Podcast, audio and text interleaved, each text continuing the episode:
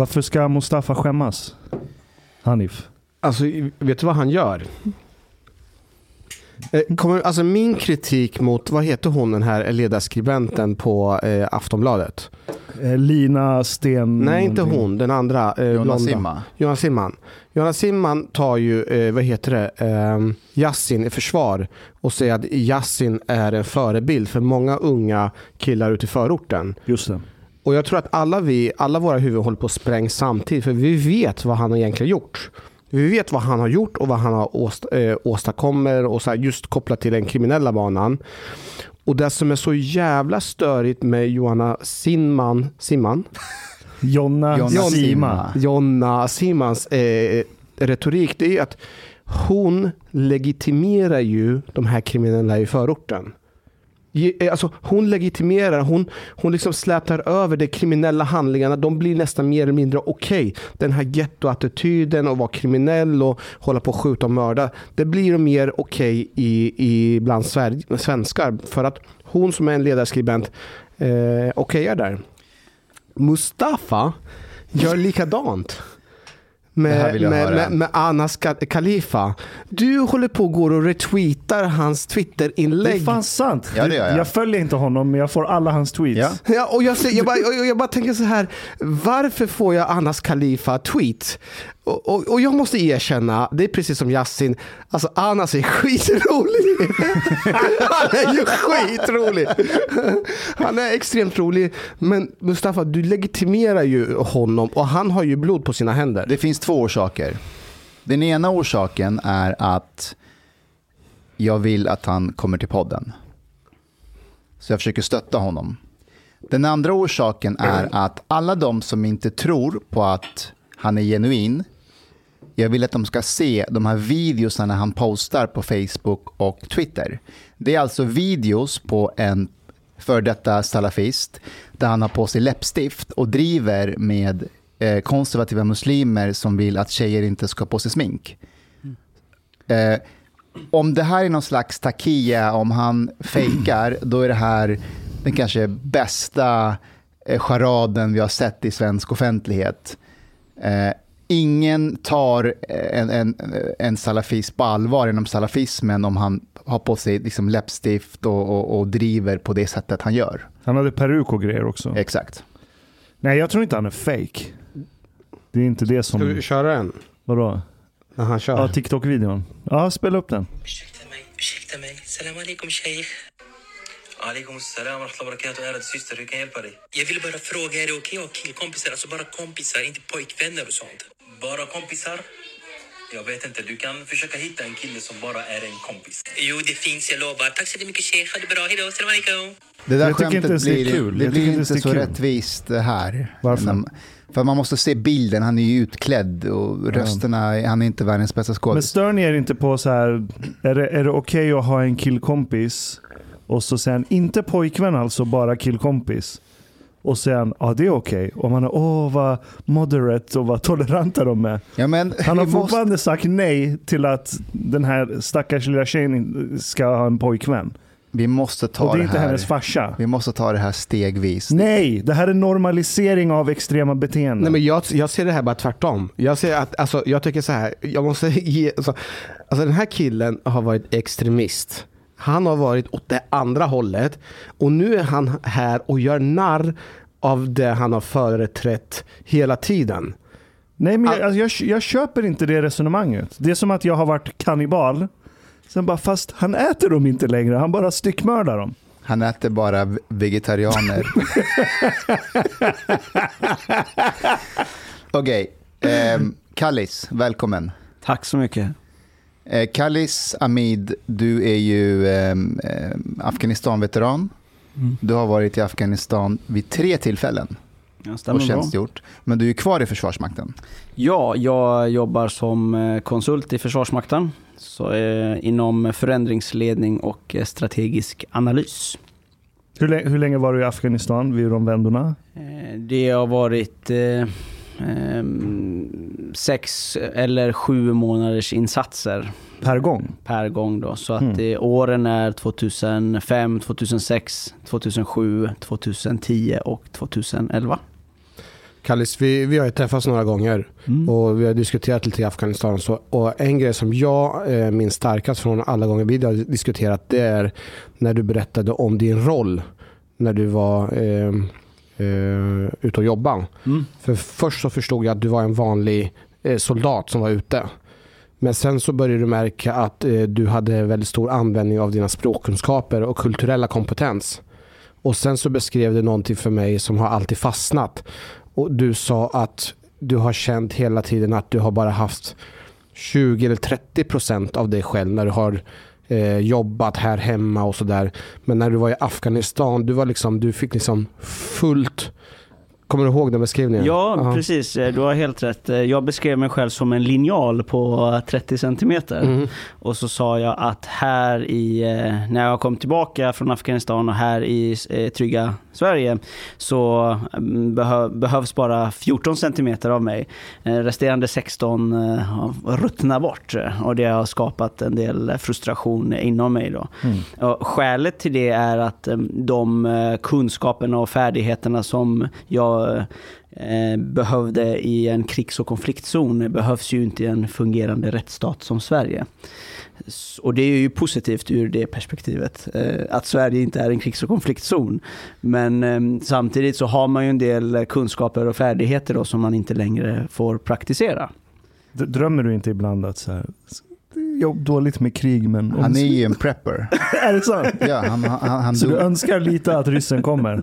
Nej, men jag, jag önskar att vi har en bättre krisberedskap i det här landet för att eh, eh, den är eh, inte eh, bra eh, och bland allmänheten så är eh, beredskapen eh, inte tillräckligt hög. Så det innebär ju i princip att Skulle man eh, hamna i en situation där eh, livsmedelsförsörjningen i Sverige påverkas på något sätt, exempelvis om man eh, gör någonting utanför Göteborgs hamn, där väldigt mycket kommer in. Då, har inte, då finns det inte mat i det här landet efter en vecka. Mm. För Sverige har en väldigt låg egen livsmedelsförsörjning. Och eh, jag kommer ihåg något som har gjort ett väldigt starkt intryck på mig. Det var en insändare som jag såg för väldigt många år sedan. Där man frågade en, en stockholmare om eh, hon var orolig ehm, ehm, eh, för det här med krisberedskap. Och då svarade hon att hon inte var det eh, eftersom att hon bodde i Stockholm och hade tillgång till 7-Eleven och Pressbyrån. Och då, då, är då har man ju, nu är inte det, på, det hon säger på något sätt kanske eh, något som är normerande för alla stockholmare förstås. Men, Jo, det är nog det. men, men jag menar på att då har man ju inte eh, liksom, kunskapen om det här just in time-konceptet som driver nästan alla form av eh, livsmedelsbutiker idag. Att man har inte varor på lager för det kostar massa pengar. Utan man ser till att precis när grejerna håller på att ta slut, då kommer nästa eh, lastbil.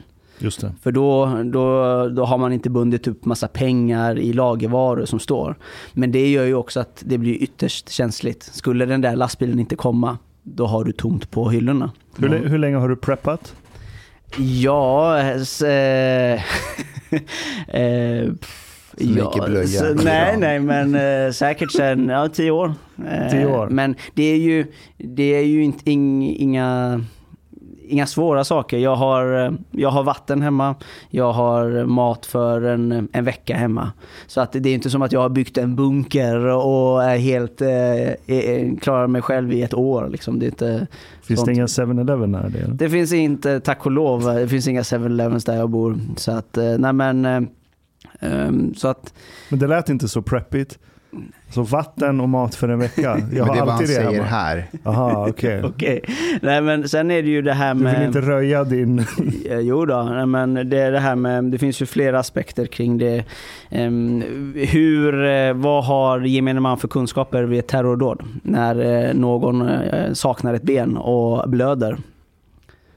Ja, första förband. Mm. Eh, och hur många känner sig eh, trygga med att bara springa dit och tamponera ett ben, det vill säga stoppa det med massor av eh, eh, saker eh, i såret för att stoppa en blödning och på, på, på, det, på det sättet rädda ett liv. Du vet det här med Så att, tamponer, tamponering, det var någonting som vi fick lära oss inom polisen hyfsat sent skulle jag säga.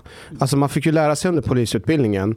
Men sen så fick vi jobba mycket med tamponering efter ett tag inom polisen. I och med att man börjar se att det, det dödliga våldet börjar öka mer och mer. Precis. Och jag menar ju på att dels så det har ju blivit mycket bättre nu bland eh, Ehm, våra försvarsmyndigheter och de som de facto skyddar oss i form av polisen, ehm, men också exempelvis brandkår och så vidare. Men jag vill ju att den här kunskapen som Hanif och hans kollegor har, att gemene man ska ha den. Att när gemene man stannar vid en trafikolycka så ska första reaktionen vara jag ska försöka hjälpa än att ta fram sin mobiltelefon och börja filma. Eh, som har orsakat ganska mycket problem för just blåljuspersonal. Att de kan inte ta sig till den skadade för att folk står i vägen och fotar och filmar. Eh, Men det, anledningen till det är ju, eh, det finns ju fler. Dels så är det häftigt med sociala medier och likes. Men sen är det också att i Sverige så eh, finns det väldigt utpräglat att det värsta man kan göra är att göra någonting fel. Då är det bättre att inte göra någonting alls, för då har man inte gjort fel. Just det. Och Det är också en aspekt att oj, nu den här personen är jätteskadad. Vad händer om jag gör någonting här nu och den personen dör? Det vill inte jag ha på mitt samvete. Ashkan, vet du vad man gör när man tamponerar? Nej, jag tänkte faktiskt precis säga att jag aldrig ens hört det ordet förut. Mustafa, vad gör man Jag har inte läst MSBs broschyr. Eh, jag minns inte riktigt nu. Vet ni vem som stannar, ehm, ehm, eh, eller inte, alltså stannar och hjälper till vid trafikolyckor och inte kör förbi?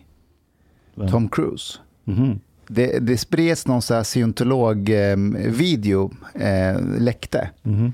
där han sitter och pratar om att eh, det var någon trafikolycka och han åkte och så, han stannade. Och då sa han så här, Scientologists don't drive by. de stannar och de hjälper till och det var det han gjorde. Lite creepy video. Men eh, vad, vad är Men tam- det, det är väl eh, rätt om man har fel Kallis, men det, om man har ett stort sår eh, och man behöver stoppa blödningen eh, så kan man ibland behöva eh, eh, köra in eh, själva liksom förbandet, vad heter det? Det finns lite eh, olika men du, Ja, du har rätt. tygstycke och sånt. Om man, man måste ta det man har. Just det, okej. Och då tar man tygstycke och med fingrarna för in det med två fingrar så här och bara trycker in så Ja. mycket tyg som möjligt för att få strypa, till, strypa så att det inte blir massor med blödningar. Räcker det inte att bara ta något tyg och så här knyta runt? Nej, men ibland så kan det vara så att du blöder inne i buken. Ah. Och då kan inte du bara sätta en stor bandage runt magen. Utan då måste du in med fingrarna och bara alltså, trycka in massor med grejer. Det, det är rätt, det, jag tror att man, jag tänker på tampong, man får in tampong.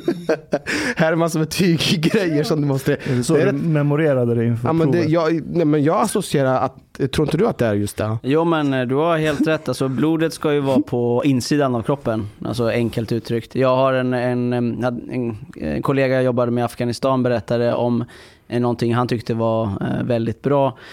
Då hade, han jobbade på ett större sjukhus eh, uppe i landet som eh, narkossjuksköterska och så hade de fått in en allvarligt skadad man eh, på en trafikolycka. Och eh, överallt där han hade öppna sår så hade någon satt dit massa silvertejp. Just det.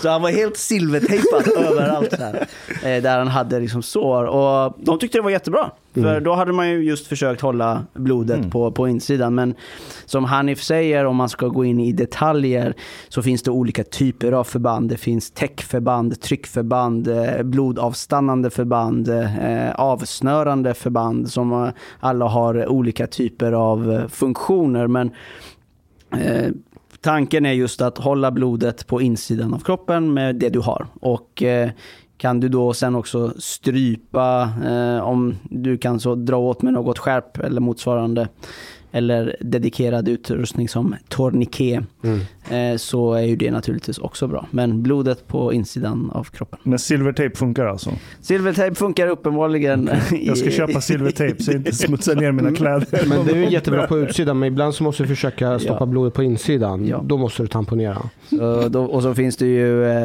ett så här förband som exempelvis eh, har blodavstannande effekt. Quick clot som ett exempel som används militärt. Och då, då är det ett ämne som reagerar med de röda blodkropparna och brinner. Och på det sättet koagulerar det eh, såret och gör att det slutar blöda. Kallis, när du är ute och vandrar, visst har du sån där utrustningen med dig? Ja, jag, jag har ju en del utrustning med mig så för att kunna just bistå. Jag hade ju förmånen att ha med mig eh, Mustafa på en fjälltur och då, då hade man med sig viss utrustning för att kunna stötta. Eh, så är det ju. Vad vad- vad- vad har du med dig på en typisk vandring? Och det beror... Eh, Skalvantar. Vänta, vad, vad, hette det?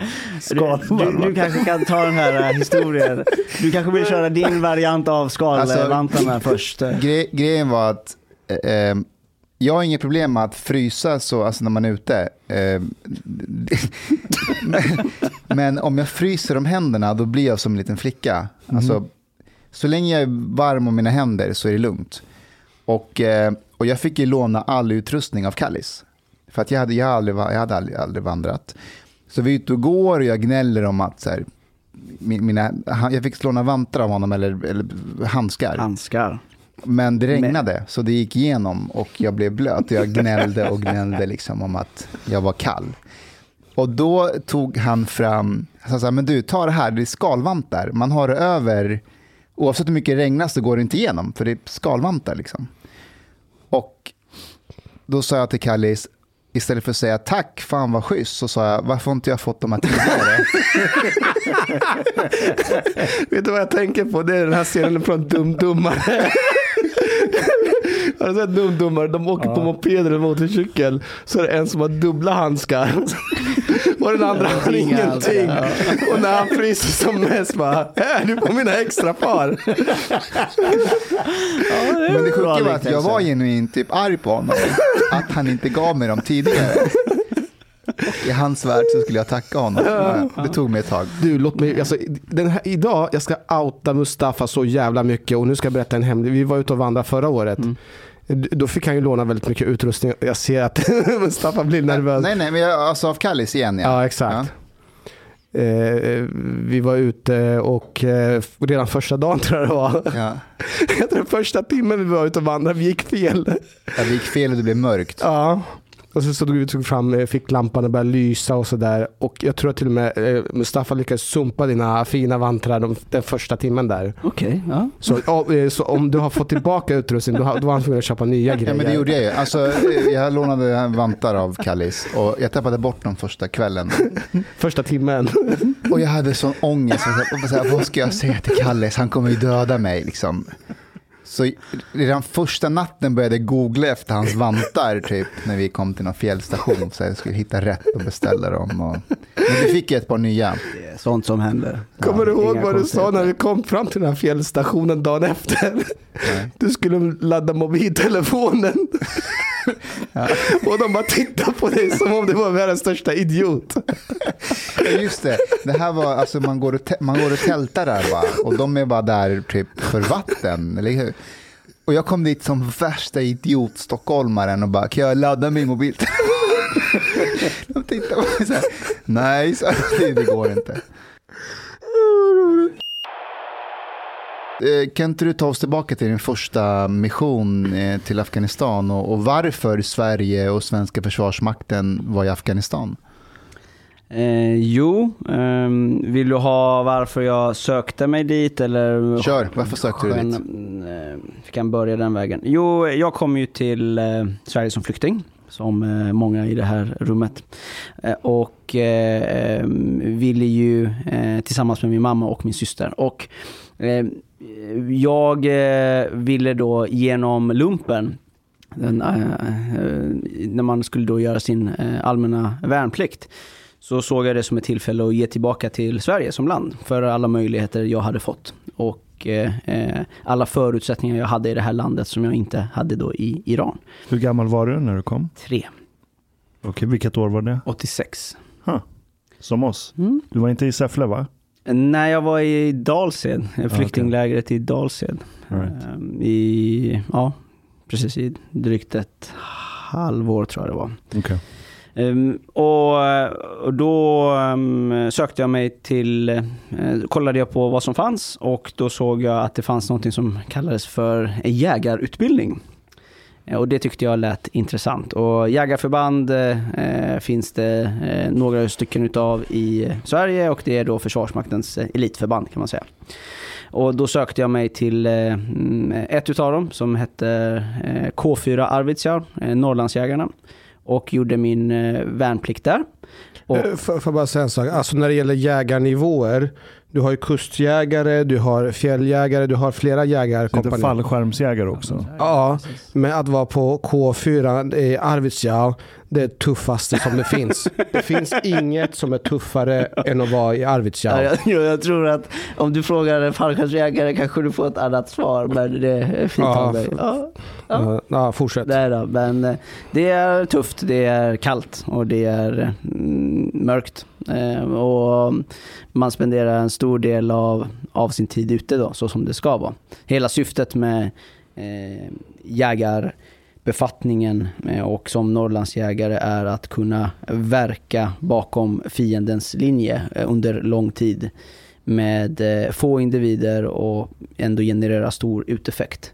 Och eh, Norrlandsjägarna är då Försvarsmaktens mest kvalificerade jägarförband vad avser strid bakom fiendens linjer. Sen finns det förband som är bättre på underrättelseinhämtning och så vidare. Men på den vägen var det och min första vända, det var då 2005 i Afghanistan. Då var det eh, en eh, insats som mitt hemmaförband, då, K4 Arvidsjaur, var ansvarig för att bemanna. Så på den vägen så fick jag ju då möjlighet att eh, eh resa dit och eh, eh, tjänstgöra i Afghanistan. Och eftersom att jag kommer från Iran, eh, ett land som är ett grannland till Afghanistan, så kunde jag ju också göra mig förstådd och prata ett av de stora språken som pratas i, Afghanistan, dari. Framförallt i de norra delarna där Sverige var Då kunde du dari sen innan? Nej, men Okej. det skiljer inte så mycket från persiska. Det är ett gäng glosor Ja. som, som skiljer. Som svenska och norska ju. Alltså ni pratar ju persiska, jag pratar ju dari. Fast du är jag förstår aldrig tajik. vad du säger. Men?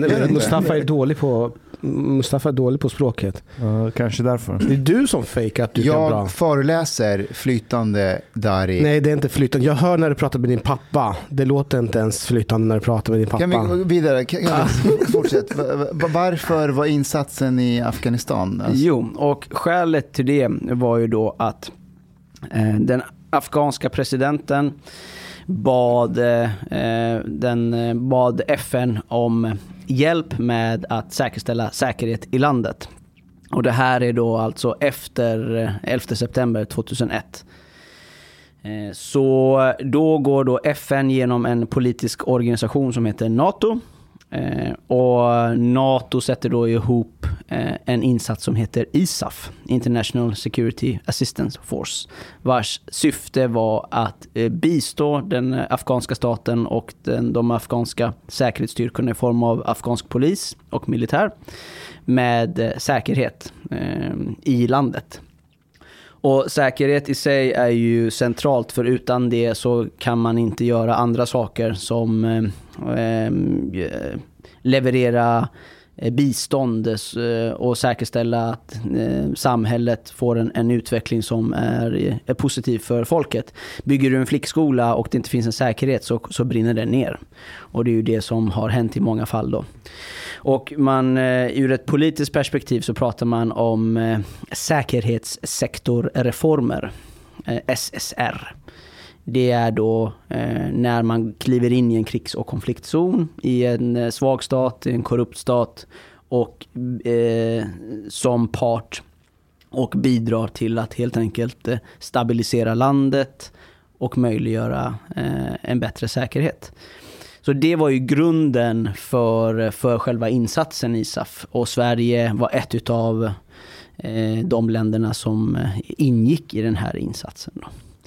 Och på den vägen är det och jag, jag såg ju det här som ett, ett tillfälle, jag var 22 vid min första vid mitt första tjänstgöringstillfälle. Såg det här som ett tillfälle då att eh, också få praktisera det jag hade lärt mig i Arvidsjaur eh, skarpt. Eh, och också försöka göra eh, livet li- bättre för afghanerna helt enkelt. Hur stort förband var ni, ni som åkte ner härifrån?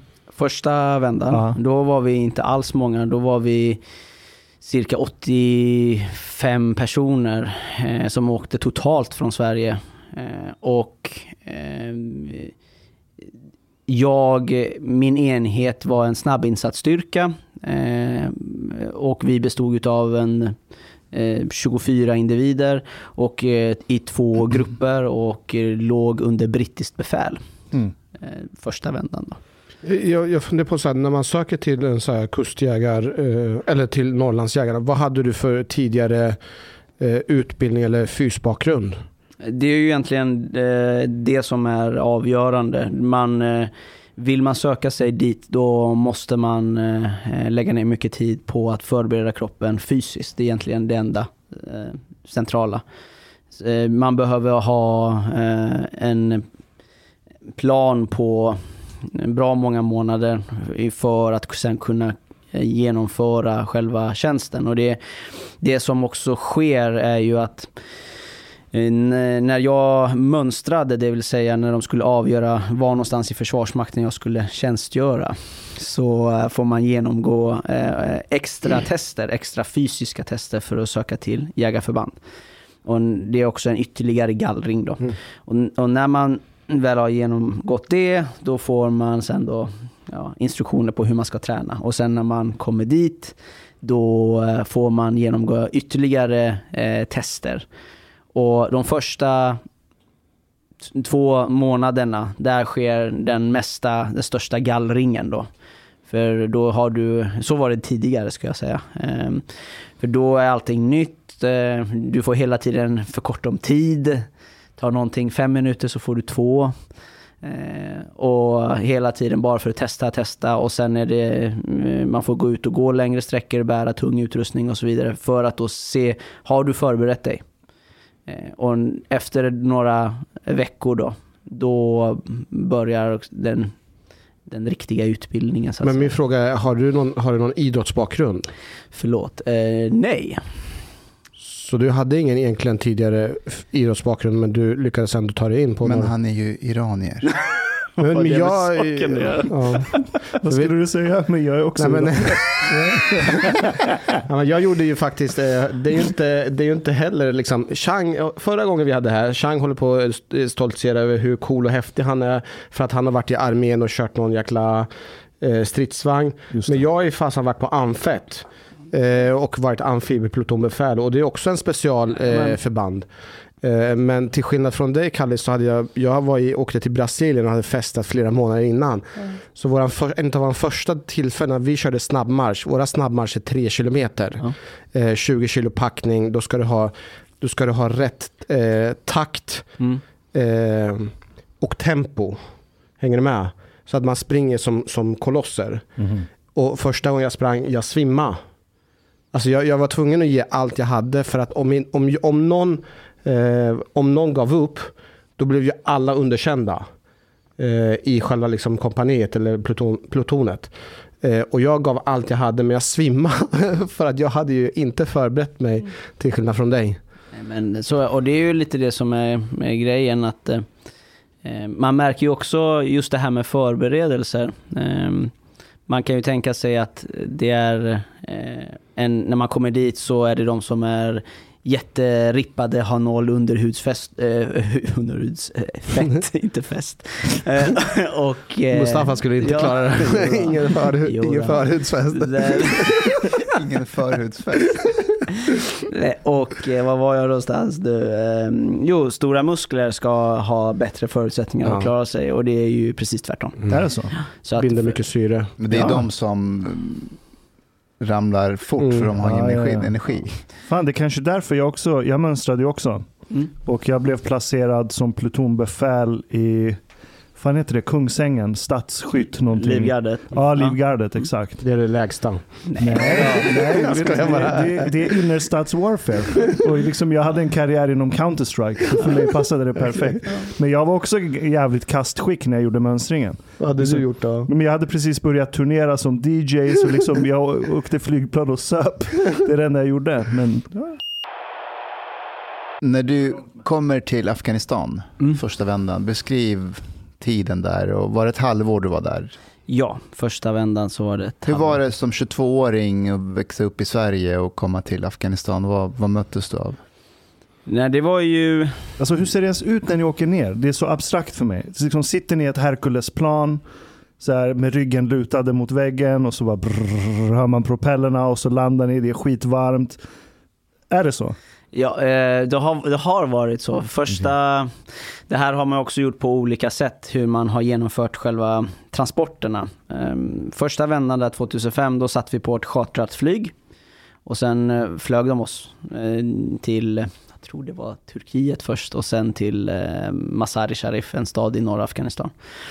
Och de, min andra och tredje vända, då flög vi först till eh, Saudiarabien till eh, Abu Dhabi tror jag det var.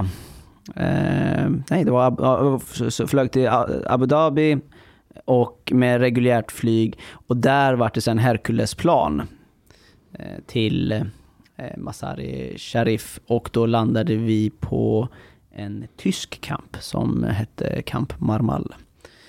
Eh, så det har varit lite olika men ehm, jag har ett, eh, ett bestående minne, det var just från eh, första, första vändan i Afghanistan när vi skulle flyga dit eh, på en av ledigheterna för man fick komma, efter några månader så fick man lämna Afghanistan och så fick, mm, flögs man hem och så fick man vara hemma i, i två veckor och så flögs man tillbaka. Det kallas för liv och livresor.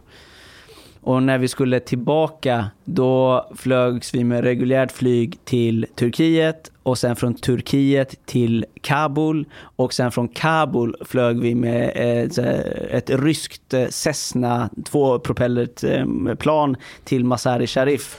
Och där, där kom eh, flygvärden ut med vodka. Eh, och när planet landade så alla stolar som det inte satt någon de bara klappade ihop ryggstödet bara la sig. Eh, och man var glad över att man överhuvudtaget hade liksom eh, kunnat ta sig till Masari Sharif i ett helt stycke. När Så att, eh, amerikanska soldater flyger till Afghanistankriget eller Irakkriget förr då, eh, de får ju resa eh, alltså economy class, alltså med alla andra, och så till ett annat land. Och därifrån så byter de då. Louis CK berättar ju om att när han är på flyget, när komikern, Mm. Då ser han de här soldaterna och han sitter liksom i first class. Och han tänker alltid att när han ser de här människorna på väg till krig för att offra sitt liv, men de är i economy class och han är en jävla komiker som han sitter i business class. Han vill alltid ställa sig upp, gå fram till den här unga killen, amerikanen och säga så här, son, ta min plats. Så, Vem är jag? jag? Jag sitter i first class, du ska gå och kriga för oss, liksom. ta min plats. Men han säger att han gör aldrig det. Han sitter kvar i business class har den här känslan att fan vad god jag är som ens tänkte den här tanken. Och så, så, ingen annan tänkte den här tanken förutom jag. Och så lever han på det. Förlåt. det är också ett sätt. Ehm, Men okej, så du är 22, du, ni, du landar i Masari Sharif. Mm. Vad, är det, vad är det första du ser? Vad händer i din skalle? Det första jag ser det är ju eh, eh, bergskedjan Hindukush. Eh, otroligt vackert eh, och jag har hamnat i ett land som eh, i- är eh, i, eh, ur ett sånt här eh, semesterperspektiv mitt drömland. Det är bara fjällandskap, det är bara berg eh, och ehm, jag liksom kliver av och sen så eh, kommer vi till kampen, eh, Han är under eh, brittisk ledning, träffar britter, vi bor i tält i sex månader. Och då är det ju större tält då. Ehm, men, eh, och så, och lever bra. Och ehm, får, får, får jag, där får jag liksom min första kontakt med internationella, en internationell försvarsmakt i form av britterna. och Hur de jobbar och hur det skiljer ifrån hur svenskar jobbar och så vidare. Vad, vad, vad, bara lite kort, vad skiljer mest typ mellan Ja, det är ju framförallt så har de ju eh, hur, hur man förhåller sig gentemot varandra. Det eh, var då väldigt vanligt att man, eh, om man var eh, gruppchef eh, eller högre, så kunde man spöa upp sina soldater om de inte eh, gjorde som man sa. Soldaterna kunde supa sig redlöst fulla. Eh, vid flera tillfällen så eh, kissade de på våra tält. Eh, och eh, man har, eh, hade då också en ordning där eh, kriminella som eh, hade begått brott och eh, blivit dömda till fängelse kunde välja mellan fängelse eller tjänstgöring i armén. Med, eh, med argumentet att en bra soldat behöver inte vara en bra människa. Damn. Eh, Så, Hardcore. och samtidigt ska man ju ha, ha klart för sig att eh, när det väl eh, skorpade till sig och det blev eh, på riktigt så var de alltid där. Mhm. De backade inte en sekund. Det kan ju vara någonting för våra förortskids som ingår i gängkriminalitet att skicka dem till Afghanistan en vända. Ja, så att det, finns ju sådana här eh, uppfostringsresor till, vad är det, Mogadishu? Ja, ja, ja. ja. Eh, Det är det, det, är eh, det, det, är det mest särklass eh, bästa rådet vi får från eh, somaliska föräldrar. Det är att skicka dem tillbaka till Mogadishu. Det är de själva som föreslår det och de gör det. De säger, jag hade en pappa som sa, ah, Hanif, vi testar LVU ett halvår, ett år. Funkar det inte, då har ni misslyckats från det svenska samhället. Då gör jag på mitt sätt, för det är jag som har ansvar för min son. Och så skickar de iväg dem. Så att, eh, Men du, n- när, du var ju där tre gånger som sagt. Ja. Och ehm, eh, vilken vända var det ni jobbade, alltså att ni sökte er ut också i byar och träffade afghaner och alltså civilbefolkningen och skapa förtroende och så?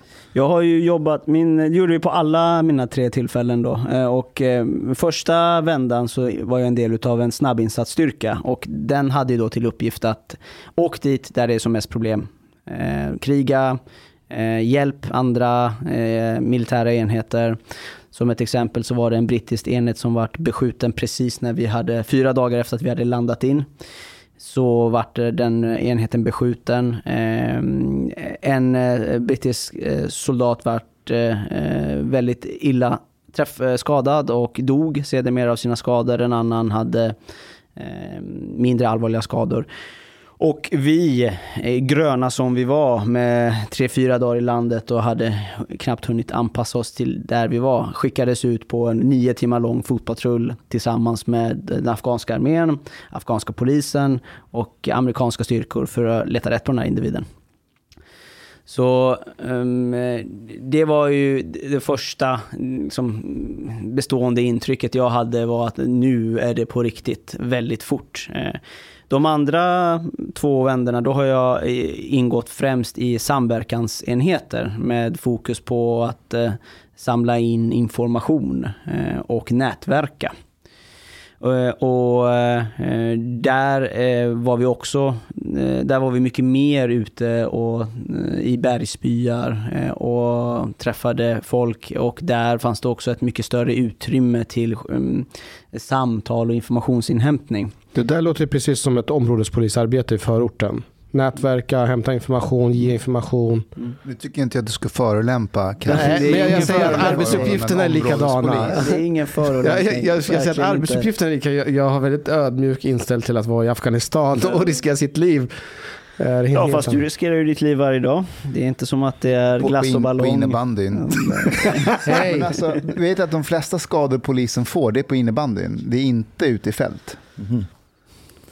Men ni Fast nu har vi fin- haft ju flera incidenter med kollegor. Så att, eh, Ja, ja, fast statistiken är fortfarande talande. Det är innebandyn vi skadar oss mest. men, men ska vi kolla på statistiken kring de som åker iväg till utlandstjänst i, eh, till Afghanistan. Är det verkligen att de mördas i strid eller kan det vara att de eh, vrickar foten? Så Kallis. tävlar du med Kallis nu om vem som var Nej, jag bara, farligast? säger, jag bara säger att när Mustafa försöker förringa mig, jag försöker bara säga att det- jag försöker bara legitimera eh, mitt arbete som områdespolis. Om man behöver legitimera sitt arbete som områdespolis, då har man inte legitim... Förlåt Kallis, fortsätt. Så, okej, så din först, din först, ditt första uppdrag är alltså fyra dagar efter att ni har eh, landat på första vändan? Ja. Och vad, vad var det för miljö ni var i när ni letade efter den här brittiska soldaten? Då var vi inne i eh, Masari Sharif eh, och letade efter honom. Och det här det här är också ett sånt här eh, väldigt eh, eh, bestående men hos mig. För det är ju första gången som eh, jag då eh, kommer, i, kommer in i en större eh, afghansk stad, får första interaktionerna med eh, afghaner som inte jobbar runt omkring kampen och så vidare. Och det är 45 grader varmt, eh, det är öppna avlopp. Eh, liksom det är djur som rör sig på gatorna, det är motorcyklar. Jag går runt och bär på eh, väldigt mycket utrustning för mig. Jag, min jag, eh, hade, jag hade min primära befattning var eh, signalist, det vill säga ansvarig för all radiokommunikation mellan gruppen och till, eh, för rapportering till högre chef. Vilket innebar att jag utöver eh, min stridsutrustning i form av skyddsväst, stridsväst, vapen också bar på radio. Så där är jag 22 år och går på en fotpatrull med eh, 53 kilo utrustning för första gången. Eh, och är liksom inte anpassad till eh, värmen och så vidare och går och letar efter den här individen. Så att just den, den första fotpatrullen där, den, den satte ribban för den fysiska ansträngningen så att säga. Men det var något, en, väldigt mycket intryck där, just att bara kliva in i stan och den pulsen som var och samtidigt det allvaret i situationen. För en kollega till oss hade ju dött, en annan hade blivit skadad. Och ni visste inte vart de var? Och vi visste inte vad, vad han var som sköt då. Men eh, till slut så fick vi tag i honom. Jaha, den som sköt? Ja. Var det en taliban eller? Det vet jag inte. Okay. Men eh, det vet jag inte faktiskt vad han sympatiserade med. När ni går omkring där i byarna mm. och pratar med civil, alltså lokalbefolkningen för att kommunicera så behöver ni hjälp. Vilka är det som hjälper er? Ja, precis. Och de som hjälper oss är eh, lokalanställda tolkar. Eh, eller ifall man har eh, med sig militärtolkar från Sverige eller individer som jag då som har bakgrund ifrån Iran och eh, tjänstgör i myndigheten och då kallas för språktolkar. Men i eh, nästan nio fall av tio så var det lokalanställda tolkar. Det kommer du komma till, tolkarna. Men när du är ute och går där och pratar med afghanerna, mm. eh, hur, hur, reagerar afghanerna på, på eh, att se dig och uppfatta dig som iranier i västuniform? Är, är de vänliga eller är de misstänksamma? Hur, hur, var, hur var interaktionerna? Eh, den absoluta majoriteten var, var positiva. De var glada. Eh, de var väldigt nyfikna eh, för eftersom att jag såg ut så som jag gjorde och hade på mig en svensk uniform och pratade ett språk som de begrep och ville prata. Och det tyckte jag var jättekul och det är väl också ett bestående minne. Man bortser liksom från alla stridigheter och alla sådana aspekter så är ju eh, eh afghanerna eh, generellt ett otroligt eh, varmt och gästvänligt folk. Och det var det jag mötte nästan varje dag när vi var ute. Så att eh, jag kommer ihåg på min andra vända, det var en, eh, det var en, eh, Eh, då hade, eh, var en sommarmission så att säga. Men ehm, vi, eh, det höll på att bli vinter. Och då var vi på en väldigt avlägsen plats och så träffade vi en bonde som bodde på en höjd med några djur och vi tänkte att nu, här måste vi se till att och, försöka hjälpa den här herren. En äldre herre i säkert 70-80 års åldern. Så vi sprang ju dit med så här hästfiltar och bara här, här kan du ha mm. till vintern som kommer. Så, så slipper du frysa ihjäl för du, det, det ser inte ut som att du har det så bra. Inte för att vi sa så, för då skulle han tappa ansiktet, men det var det intrycket vi fick.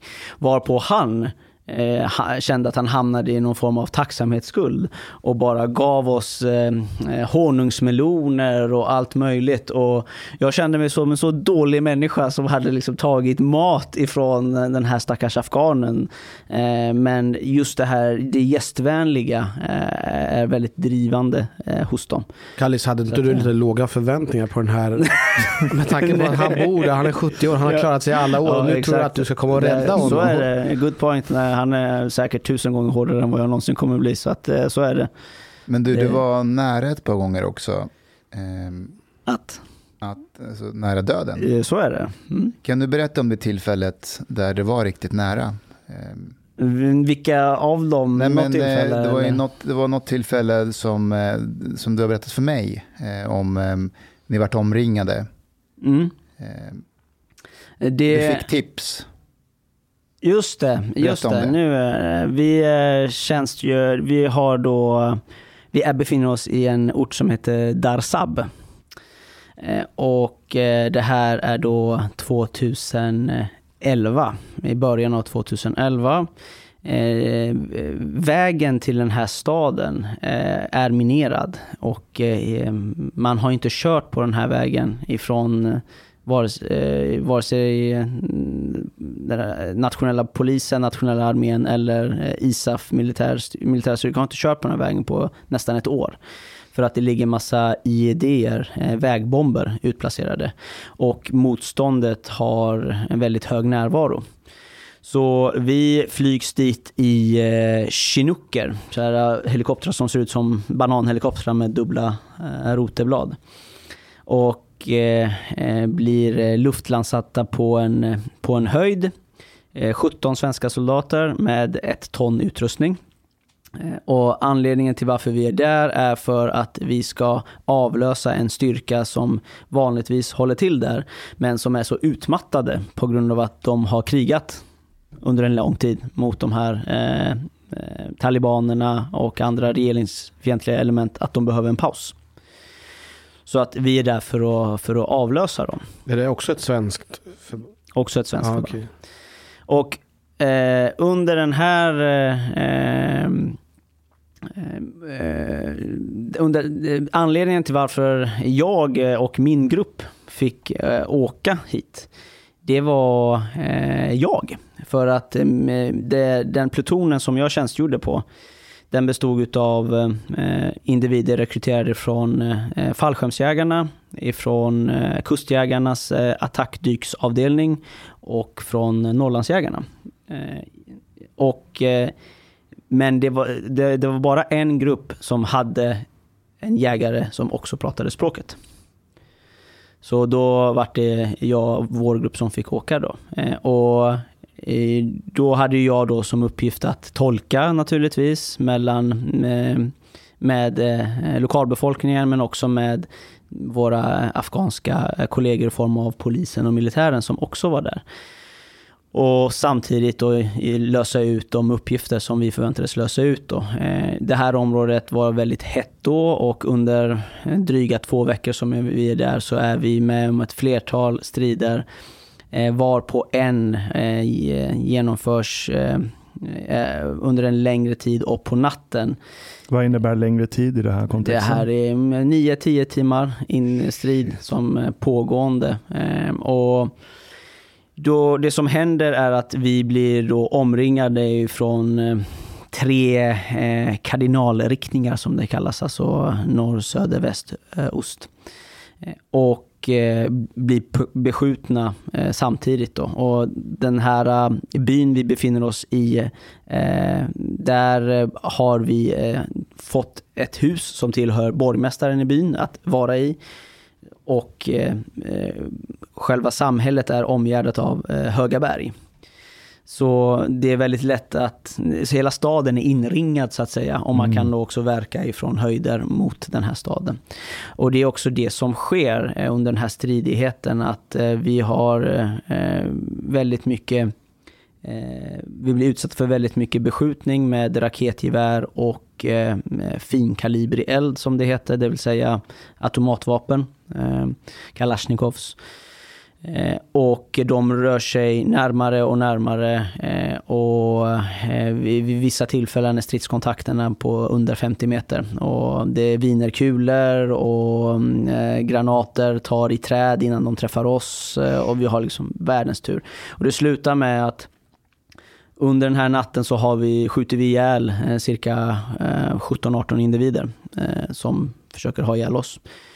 Och eh, dagen efter så eh, påbörjar vi en form av eh, eh, damage control, kallas det för. Det vill säga gå och kontrollera eh, hur ser det ut, eh, var, är, var är liken, eh, det fanns Vissa eh, lik hade då blivit eh, ätna på av eh, vilda hundar och så vidare. Och eh, det som var väldigt eh, intressant här var ju då att efter den här striden så eh, fick vi ju då information om att eh, nu är man riktigt förbannad ifrån motståndarsidan. Alltså talibanerna. Ja, nu jävlar kommer ni få smaka på ordentligt med motstånd. För nu har ni ert agerande, ert motstånd som ni visar på här har liksom enat och nu kommer flera muller med sina anhängare att anfalla. Eh, och det, det var en väldigt intressant upplevelse kommer jag, för, äh, kommer jag eh, när jag tänker tillbaka på det. För då, eh, då fick vi den här informationen och började ju förbereda oss, förbereda oss och alla vapensystem och eh, Men vänta, du fick den informationen? jag fick den informationen. Det var inte dem, du fick det för att du hade ett förtroende för de som bodde där och kunde språket och de litade på dig. Så, ehm, och det är väl det här som är själva grejen just där med, med tolkandet. Att ehm, vi fick den här informationen eh, och eh, kunde ju då eh, eh, agera. Och innan den här första stridigheten så hade vi också fått information, inte den rätta vägen via svensk underrättelsetjänst, utan på grund utav att Eh, jag ehm, eh, åt frukost med soldaterna och samverkade nära den hemliga polisen. Hade köpt diesel till eh, arméchefen så att han kunde kolla på sina Bollywood-såpor och hans eh, dieselaggregat kunde köra, vara igång och så vidare. Just alltså nätverkande och, eh, och så vidare. Vilket gjorde att när informationen sen kom den rätta vägen, då hade vi redan fått den och var förberedda och kunde agera. Men och precis på det här sättet var det då med den här nya informationen om att nu har ni, nå, nu har ni enat, nu kommer ni få möta något helt annat motstånd. Uh, och den, uh, den, slutet på den dagen så ringer jag till min nuvarande fru eh, Och bara för att få höra hennes röst. Eh, Och, för jag trodde ju inte att det här skulle sluta så väl då eftersom att vi inte var så många. Och det ryktades om att vi skulle mm, få behöva eh, strida med upp, med upp till 200-300 motståndsmän. Hur många var ni? Nu Vi var totalt en 50. Och när det blir mörkt eh, så är det väldigt svårt att se, kunna verka på, på längre håll och framförallt så tappar du alla detaljer. Eh, Och börjar de då nästla sig in i det här området där vi är, då eh, är det bara en tidsfråga eh, innan vi råkar illa ut. Då. Men och den natten så låg vi i våra NATO-sängar, det är så här britsar, eh, med full stridsutrustning och bara väntade på att de skulle komma. Och det var en, en lång, lång väntan. Eh, så blir det dag. De har inte anfallit eh, och så visar det sig då att eh, mullorna enligt den hemliga polisen, NDS, hade blivit oense sinsemellan kring hur de skulle agera eftersom att eh, det motståndet de mötte förra gången hade tydligen visat sig vara kvalificerat. Eh, och det, eh, det är sånt som gör mig glad varje dag. Att eh, eh svensk trupp tillsammans med eh, afghansk eh, polis och militär satte upp ett sånt ordentligt motstånd så att tröskeleffekten att påbörja ett anfall på nytt Det är det som saknas i Sverige, i förorterna, att de här gängen inte ger sig på de laglydiga och polis för att de tänker fan de där är det är kvalificerat motstånd vi kommer möta om vi ger oss på vanliga medborgare. Så vi får akta oss. Alltså hotet om våldet saknas i Sverige. Inom parentes. Förlåt. Nej, men eh, det, det är den, eh, det är den eh, stridskontakten då, så att säga. Vad tror du hade hänt om de hade avancerat och gjort ett anfall? Vi byggde en stridsställning som vi döpte till The Last Stand. Så eh, utifrån det så tror jag att du kan lista ut vad vi räknade med skulle ske ifall de hade liksom eh, eh rusat oss eller valt att faktiskt anfalla. Och det ska jag också tillägga, jag har aldrig mött så kvalificerat när det kommer motstånd som i Afghanistan. Eh, otroligt modiga, otroligt modiga eh, motståndsmän som eh, rusar in i elden. Men Eh, är, är det bara att modigt? Är inte det jävligt dumdristigt? Är Tänk dig de här eh, afghanerna kanske inte vet bättre. Nej men det är alltså det är... Det, Ja, men förstå att det, det är kulregn. Det är kulregn, men Ja. du är så pass religiös eh, fundamentalist att du tror att om du springer mot kulorna så kommer Gud hjälpa dig och inte bli skjuten. Men det är ju livsfarlig motståndare. För Kallis och hans gäng som står på andra sidan, de vill ju inte dö. De här tänker, vinner vi och dödar de här svenskarna eller väst så, så, så vinner vi. Men om de dödar oss så har vi ändå vunnit. För jag kommer till paradiset, typ. Så att, eh, men, eh, och det är väl just den aspekten är ju helt ovärderlig. Och, eh, så många gånger vi fick så bra information på grund av att eh, jag pratade språket. Eh, och det är ju hela... Ja, det, det säger sig självt, om du kan prata med människor, om du kan komma människor nära, då får du också deras förtroende. Fast det, det är en sak till som du säger som jag känner igen från, eh, från när vi jobbar. Det är att du gör inte bara det som förväntas av dig. Du gör andra grejer som att tanka den här, eh, vad var det? Eh, Di- Dieselaggregatet. dieselaggregat och Ja. sånt där. Som egentligen inte är, eh, som tillhör tjänsten. Nej. Och det är samma sak när vi, alltså när vi jobbar. Vi håller på och hjälper folk att liksom ansöka till sina, Ja. så elev, så här, deras barn kan få gå till någon annan skola. Mm. Hjälper dem med någon försäkringsgrej. För att när du hjälper någon lite grann med deras största problem här just nu. Då bygger du band och förtroende. Definitivt. Så att när man kan hjälpa dig så hjälper man dig. Definitivt så. Och det måste man ha med sig när man säger att det där är inte polisiärt, det här är inte polisiärt. Nej, det är mycket grejer som inte är polisiärt eller militärt. Men det tillhör att vara medmänsklig och kunna bygga upp relationer. Nej men det, det är precis, precis så där. För jag jobbade nära en, eh, min dåvarande chef eh, som heter Tobias. Och eh, eh, när folk kom till platser där vi hade varit på, framförallt i Darsab, så fick de hela tiden höra Tobias och Kallis, Tobias och Kallis, Tobias och Kallis, Tobias och Kallis. Så De ska vi döda. De de, de bara, man kan inte vara där ni har varit. Nej, det. Eh, det blir bara jobbigt eh, Mm. för oss. Och det är ju kul att få, få det omdömet. Men det är på, precis på grund av det Hanif säger. Som, vad, vad är end state här? Du får ha den högre målbilden. Ehm, är det att, att bygga ett band ehm, och förtroende, då, då är det det som är centralt. Sen att Försvarsmakten absolut inte eh, ska ta eh, sina rörliga medel till att finansiera eh, tittandet av Bollywood-såpor. Mm. Men att göra det bidrog ju till en kontakt och möjlighet till att arbeta som dessutom de facto var en försvarsmaktsuppgift på ett helt annat sätt. 2017 får du priset som årets veteran. 16 tror jag det var. 16 till och med. Varför får du det priset? Det är ju för eh, eh, mitt arbete med eh, tolkarna. Eh, de tolkar som eh, Sverige eh, använde i, i Afghanistan men som man lämnade kvar i landet och vars skyddsskäl som man inte prövade. Och jag eh, tillsammans med eh, Stefan Olsson startade en kampanj 2015 eh, och så drev vi den kampanjen under längre tid.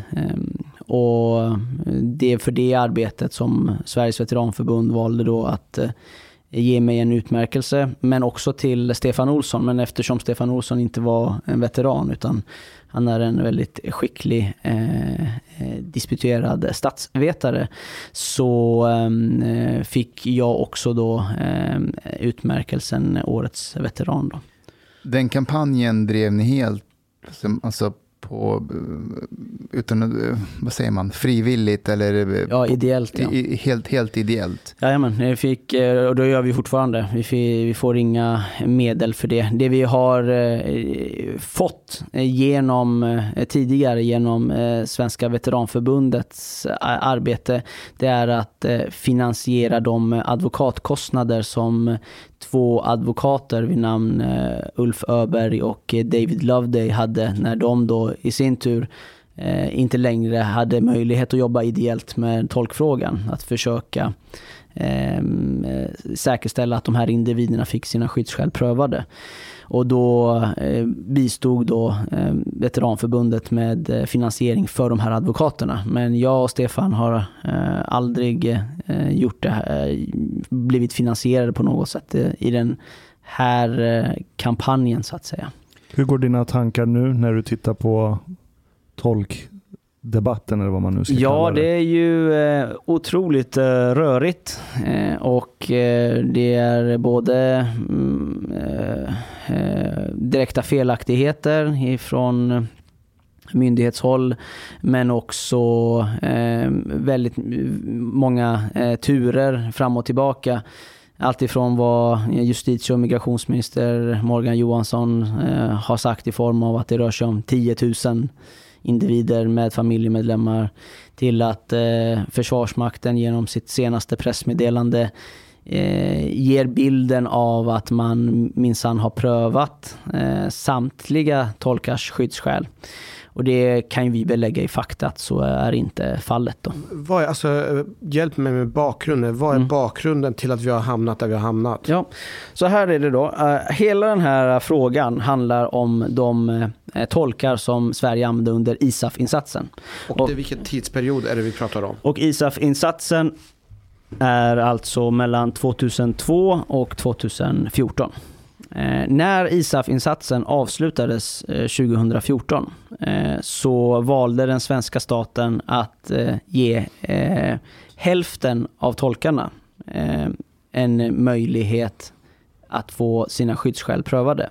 Och det är alltså hälften utav ett 40-tal.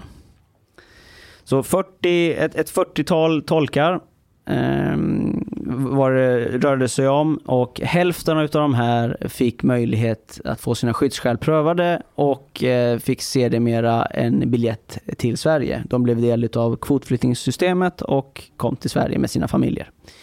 Men för de tolkar som hade varit anställda eh, eh innan 2013 de, deras skyddsskäl prövade man inte alls. Och det rörde sig också om ett 20-tal individer. Varför gjorde man inte det för då? Det är ju den bärande frågan. Eh, hur kommer det sig att eh, det, var, det fanns tolkar kvar som inte fick sina skyddsskäl prövade? Kan det vara att de inte, kvoten var slut liksom? Utan det var ju, frågan, det var ju, så är ju inte fallet då, men eh, för eh, Sverige har eh, en eh, flyktingkvot på jag tror att det är ungefär 5000 individer och det här rör sig ju inte om, om de, de siffrorna. Men det, det vi kunde konstatera det var att eh, det finns fortfarande tolkar kvar som har tjänstgjort under ISAF-insatsen som inte har fått sina skyddsskäl prövade. De kan alla visa på att de har tjänstgjort med den svenska försvarsmakten. Varför har de inte eh, fått sina skyddsskäl prövade? Och så var det då många turer fram och tillbaka och så visade det sig då till slut eh, att bara de tolkar som hade tjänstgjort mellan 2013 och 2014 hade eh, fått sina skyddsskäl prövade och var, fick möjlighet att komma till Sverige. För att? För att eh, Försvarsmakten eh, hade inte adekvat information om de som hade tjänstgjort tidigare. Och eftersom att ISAF-insatsen var under en avvecklingsfas så hade man heller inte de personella resurserna. Det är så det låter i ett utlåtande till eh, eh JO för att de här advokaterna JO-anmälde Försvarsmakten. Och så har man då utöver det också sagt att Försvarsmakten är begränsad utav eh, säkerhetsskyddslagen. För att de här tolkarna skulle få kunna komma till Sverige så var de tvungna att genomgå en säkerhetsprövning. Och en säkerhetsprövning kan man bara genomföra på personal som ska ta anställning eller som är anställda. Inte på personal som tidigare har varit anställd i Försvarsmakten. Så att de här individerna visade sig då efter mediala påtryckningar hade ju då hamnat i ett limbo och eh, myndigheterna var förtegna med varför intill dess att opinionsbildningen blev så vass genom eh, eh, kampanjens försorg men också genom att eh, andra debattörer var ute och ställde sig frågan till varför har det blivit på det här sättet. Och nu Eh, ja, just det. 2016 där någonstans så tyckte min uppfattning att frågan eh, liksom försvann. Eh, framförallt efter Eh, den drunknade i de enorma utmaningarna Sverige stod inför efter eh, eh migrationsvågen 2015. Eh, och den här frågan har ju levt sedan dess. Eh, och vi bakom kampanjen, jag och Stefan Olsson, har ju fört den här fighten lågintensivt då. För vi har ju eh, liksom skrivit debattartiklar, JO-anmält myndigheter, påtalat felaktigheter och så vidare. Men upplevde inte att vi fick så mycket gehör. Men nu när säkerhetsläget försämras skyndsamt i Afghanistan på grund av ett förtida tillbakadragande av västvärldens militära styrkor och då särskilt USA. Då har den här frågan vaknat på nytt. Eh, och nu om, är den uppe igen. Men om jag vill vara lite taskig så här. Eh, de här tolkarna har inte dött under de här fem åren. Mm. Vad är det som säger att de ska dö nu? Ja, det är ju eh, säkerhetsläget då. Att... De har klarat sig. Menar du på att på grund av att det var västländska styrkor som var i Afghanistan så kunde de leva, men nu när alla drar sig tillbaka så finns det en större hot mot dem. Precis, för um, det är ju um, med USAs tillbakadragande, det är bara att titta på vad som har hänt de senaste månaderna. Uh, på Afghanistan kan man säga består av 400 distrikt. På bara några månader så har talibanerna tagit över 200 stycken. Hur fan är det möjligt? Ja. Alltså hur länge, alltså, ni, ni har ju varit där nere och krigat och kämpat och sen tillbakadragande bara så snabbt så blir det en stor mm. förändring. Hur är det ens möjligt? Den frågan finns det eh, många långa svar på men en, en aspekt är ju att eh, den, den, afghanska armén och den afghanska polisen är fortfarande inte redo att eh, ombesörja nationell säkerhet. De är inte redo.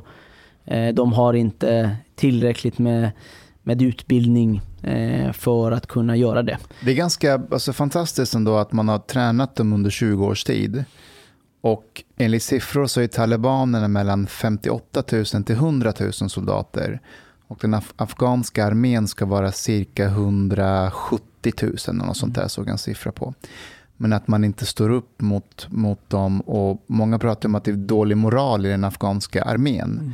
Och nyligen så spreds ju bilder på distrikt där man har helt övergett polisstationer och, och, och armépersonal. Alltså alla bilar bara står på rad och de har sökt sig till gränsen till Iran för att de vet att talibanerna är på väg. Mm. Um, vad, hur har man inte kunnat bygga den här armén under, under 20 års tid?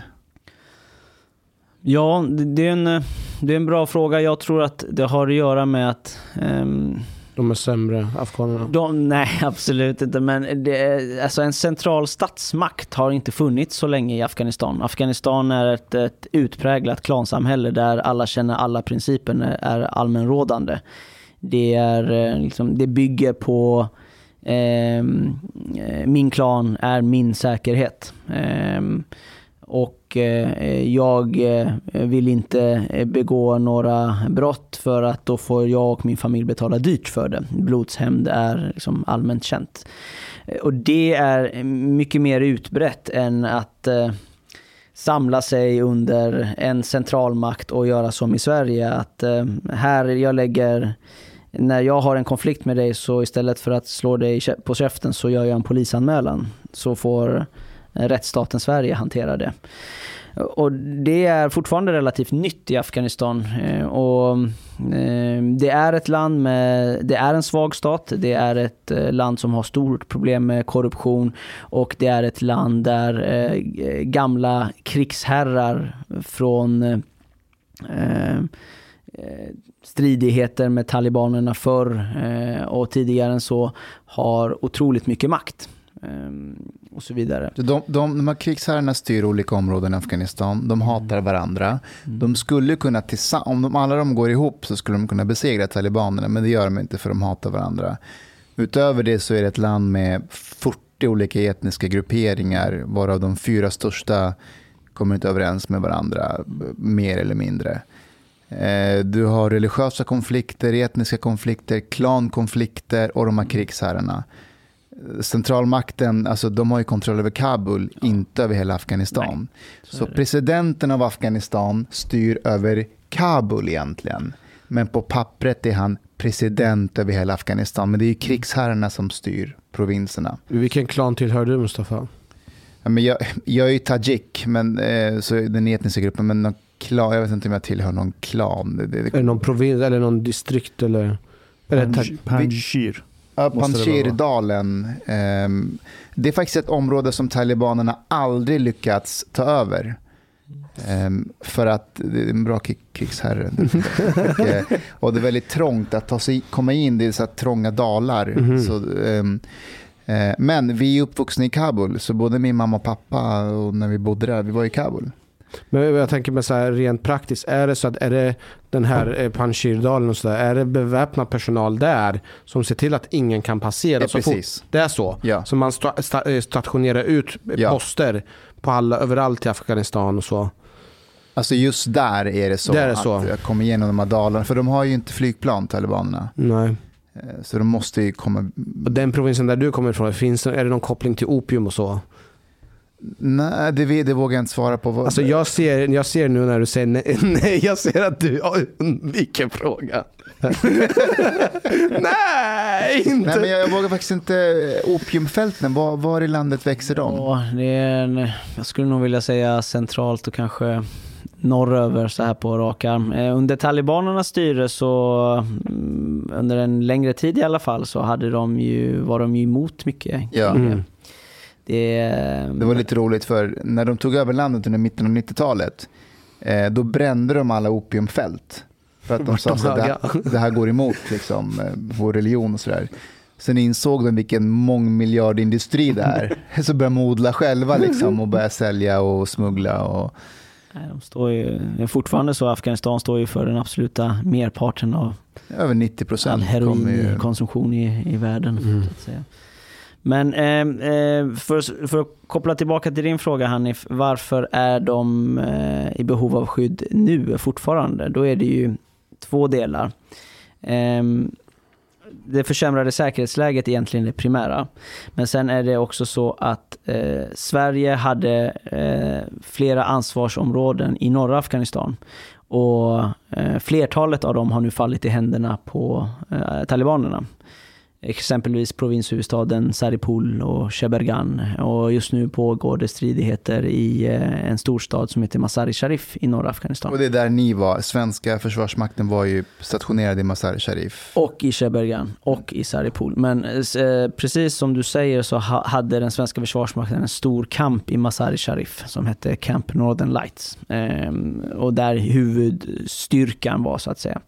Och i samband med att de här städerna faller och det just nu pågår en eh, stridigheter med talibanerna i Mazar så eh, har vi en situation där det bor människor i tidigare eh, svenska områden, svenska styrda områden eh, som har en koppling till den svenska försvarsmakten som nu riskerar att hamna på talibanernas radar. Och Ser man då till det faktumet att eh, stora delar av landet är ett klansamhälle så eh, kan talibanerna med enkelhet eh, få reda på vem som har jobbat med vad. Alltså detta trots att sista gången Sverige hade tolkar som de använde sig, för de lämnade 2014, 13 va? Eh, ISAF-insatsen avslutades 2014. Ja, och då hade man tolkar som, som hjälpte dem. Mm.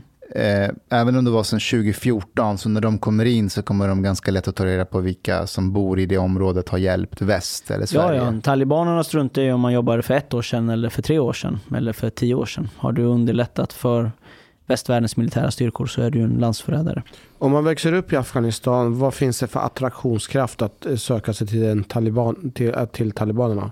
Oj, det var en eh, bra fråga. Jag föreställer mig att Jag, jag vill bara dra parallell till våra gängkonflikter i förorten. Nej, Att men man attraheras att, till att gäng. Moderaterna har lagt ner väldigt mycket där i byarna i Afghanistan. Alltså fritidsgårdar, eh, välfärden har de helt... Eh, Moderaterna har försökt styra efter marknaden och det, uppenbarligen har det inte funkat där heller. nej. Jag tror, eh, ehm, jag tror att den eh, kraften inte är så stor. Jag tror att med, eh, eftersom att ehm, talibanerna, om, eh, om man nu ska läsa dem så som de vill ur ett, hur de kommunicerar, så är de ju renlärda.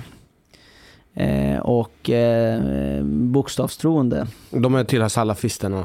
Ja. Och då eh, titta på YouTube-klipp, eh, avspegla eh, eh, människokroppar, läsa böcker, eh, gå, eh, genomgå utbildning. Eh, framförallt för kvinnor är det ju inte i linje med deras levnadssätt. Jag tror inte att ung, unga afghaner som växer upp idag tilltalas av det. Speciellt inte den unga generationen. att, Men talibanerna har dock ändrat sig vad gäller utbildning. Nu får man utbilda sig, men när man fyller sex år då, måste, då får man inte utbilda sig. Alltså man är ja, men det är en slags, de sträcker fram en hand. Tänk Men- vad jobbigt om du bor i en by i Afghanistan och när väst kom in och liksom Kallis och, eller amerikanerna eller kanadenserna och du ville bara gå fram och typ ta en selfie med dem. Och så här, för ah, hej ni är här. Det betyder inte att man stöter dem, men man, man tar en selfie. Och nu när talibanerna kommer in, då minns någon att någon tog en selfie med den här. Och så säger de bara, han tog ett foto med någon från väst och så bara dödar de dem. För de, de, jag tror inte att de har någon förhör. Jag tror att de bara går efter... Ingen rättssäkerhet är det inte. Nej, de det, bara är som, det är det som Omar vill ha. Alltså han vill att vi ska agera. Polisen ska agera. Omars egyptiska sida är problematisk. Men jag tänkte Men- på en sak till. Eh, Alltså det ändå, om man tänker sig att det är 20 års period som man har varit där. Och då tänker jag från att någon föds till att man växer upp och blir, då är man 20 år. mm. Så jag tänker att det borde finnas en hel generation av unga personer som absolut eh, borde förakta talibanerna och inte söker sig. Mm. Men det gör de. Men vad- de- har gjort opinionundersökningar som visar att eh, 10% ger talibanerna stöd. Eh, Medan majoriteten absolut inte vill ha dem där. Är det enkätundersökningar? Ja, men det är, det är någon organisation som är där och går och pratar med lokalbefolkningen. Mm, mm. Eh, Så, så stödet är rätt, speciellt i Kabul, eh, väldigt lågt. Sen, du vet, Kabul och landsbygden är två olika saker. Att, eh, ja, men eh, så är det. Det är ju ehm, i, eh, i Kabul är väl, och Masari Sharif är väl det närmsta eh, Eh, västanpassning man kan komma då. Men det är också det som är otroligt häftigt kan jag tycka. Det är att man, när man kommer till bergsbyarna, framförallt eh, längre eh, liksom, eh, söderut i de svenska områdena, ansvarsområdena tidigare, typ som Saripol där jag tjänstgjorde. Då är det som att spola tillbaka bandet 600 år i tiden. Mm. Eh, och den, eh, det är väldigt, väldigt intressant att sätta sig på ett flygplan här eh, vid Arlanda och sen under ett halvt dygn senare så har du spolats tillbaka en 500-600 år i tiden. Vad menar du när du säger 600 år tillbaka? Alltså eh, levnadsförhållandena eh, och eh, vad människorna har tillgång till, hur husen är byggda, hur de tar sig fram och så vidare i många också avseenden. värderingar, normer. Ja, där, är- där är det också en, en aspekt kopplat framförallt till migrations och integrationspolitiken. Att eh, just synen på jämställdhet, eh, jämlikhet, ehm, Bachebazi. Bachebazi, eh, men eh, också liksom att ehm, eh, skipa rättvisa, hur man gör det. Eh, hedersproblematiken naturligtvis och så vidare. Och Det har ju Sverige bara på senare år börjat förstå som land i debatten. Efter dina resor som du har gjort, eh, vad har du själv, känner du själv, hur har du vuxit som människa?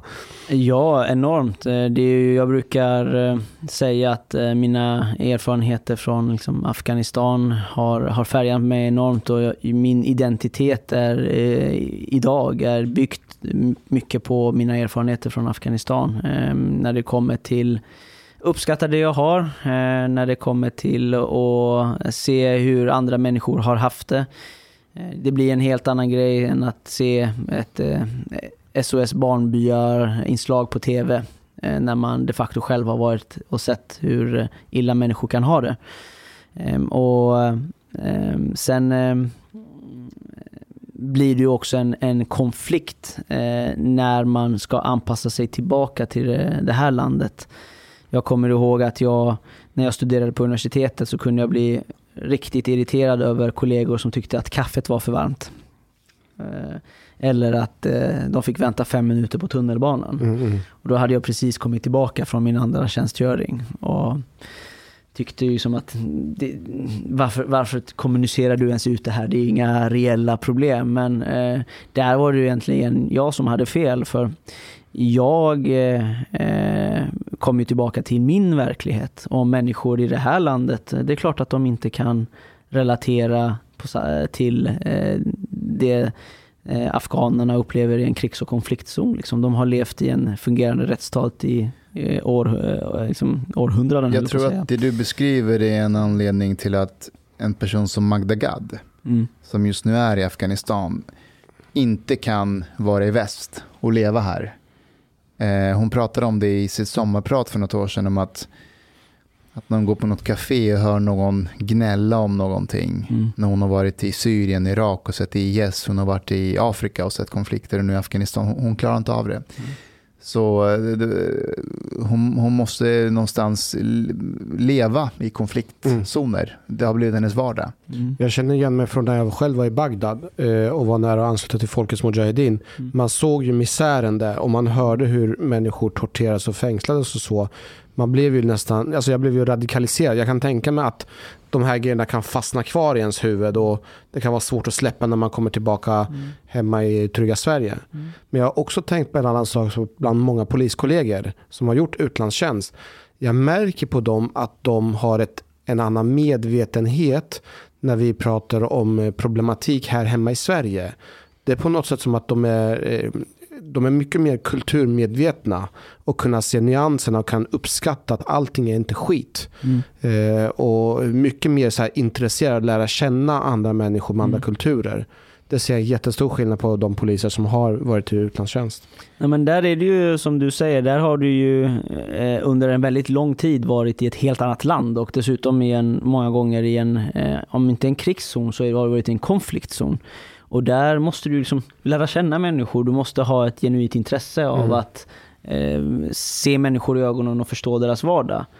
Eh, och det, det gör ju att man är mer eh, benägen att nyansera än att ställa sig binärt till eh, samhällsfrågor. Liksom. Eh, tror jag. Du, eh, jag såg att du hade en beef med AFS partiledare Gustav Kasselstrand på Twitter idag. Ja, han eh, skrev eh, på min Twitter i samband med att jag skrev att eh, Försvarsmakten hade varit i kontakt med mig och att jag hade lämnat över eh, sammanställd information om tolkarna. Så... eh, Jag kan, jag kan läsa vad han skrev ja, efter att du hade sagt det där. Eller Vem, skrev vem var det. Var det Kasselstrand? Kasselstrand. Okej. Då skriver han eh, partsinlaga. Eh, alltså det betyder ju en person vars vittnesmål inte spelar någon roll eller spelar, betyder mindre för att den är partisk. Vi har fattat att du anser att Sverige ska vara ett allemansland för afghaner som det varit i 20 år. Men den tiden är över. Afghanska män måste själva rädda sitt eget land och inte desertera. Vad är det för män eh, som lämnar kvinnor och barn i, i sticket?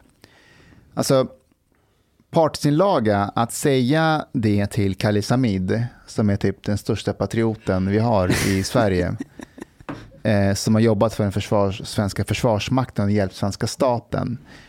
Jag tycker, det blev så talande att för Kasselstrand och gelikar som honom, hur, hur, hur besatta de är av hudfärg och ras som, eh, som någon slags att, att, det, att det, du behöver ha det rätta hudfärgen och rasen för att kunna vara lojal mot ett land. Um, det andra spelar ingen roll.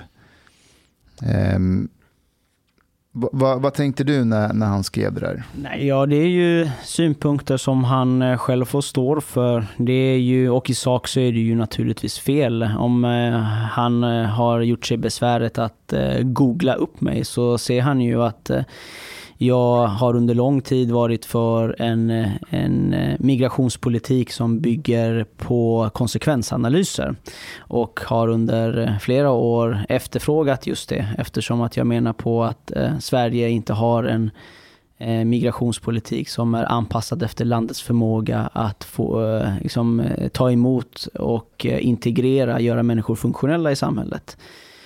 Och eh, hade han också tittat lite djupare så hade han ju sett att jag satt med som eh, oberoende expert i Moderaternas integrationskommission där, som nyligen har släppt en, en rapport där man då eh, tar upp delar av de här aspekterna och försöker eh, helt enkelt eh, realisera en migrations och integrationspolitik som bygger på just konsekvensanalyser. Så att jag tror inte att eh, han har gjort sig besväret att ta reda på vem jag är.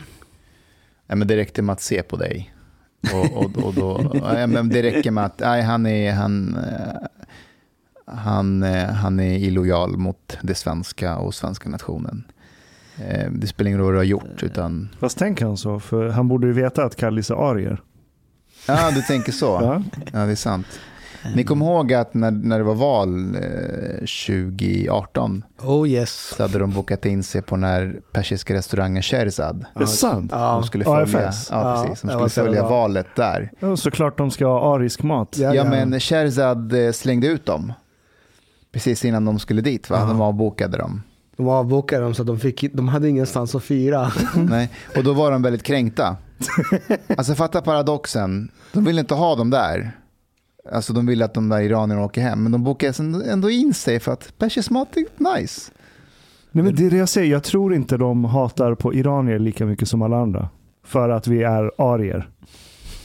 Men det roliga var ju att de la ut någonting på sociala medier sen där de bashade på Sharzad. Eh, eller vad det där restaurangen hette. Och eh, alltså det vart ju världens roligaste grej. Det vart ju den, den eh, jag kommer inte ihåg ifall det var på Facebook eller Instagram, det, vart ju, det gick ju viralt. Och det var många som, helt plötsligt så gick ju den här restaurangens betyg upp i topp och alla andra började boka in sig på den här restaurangen.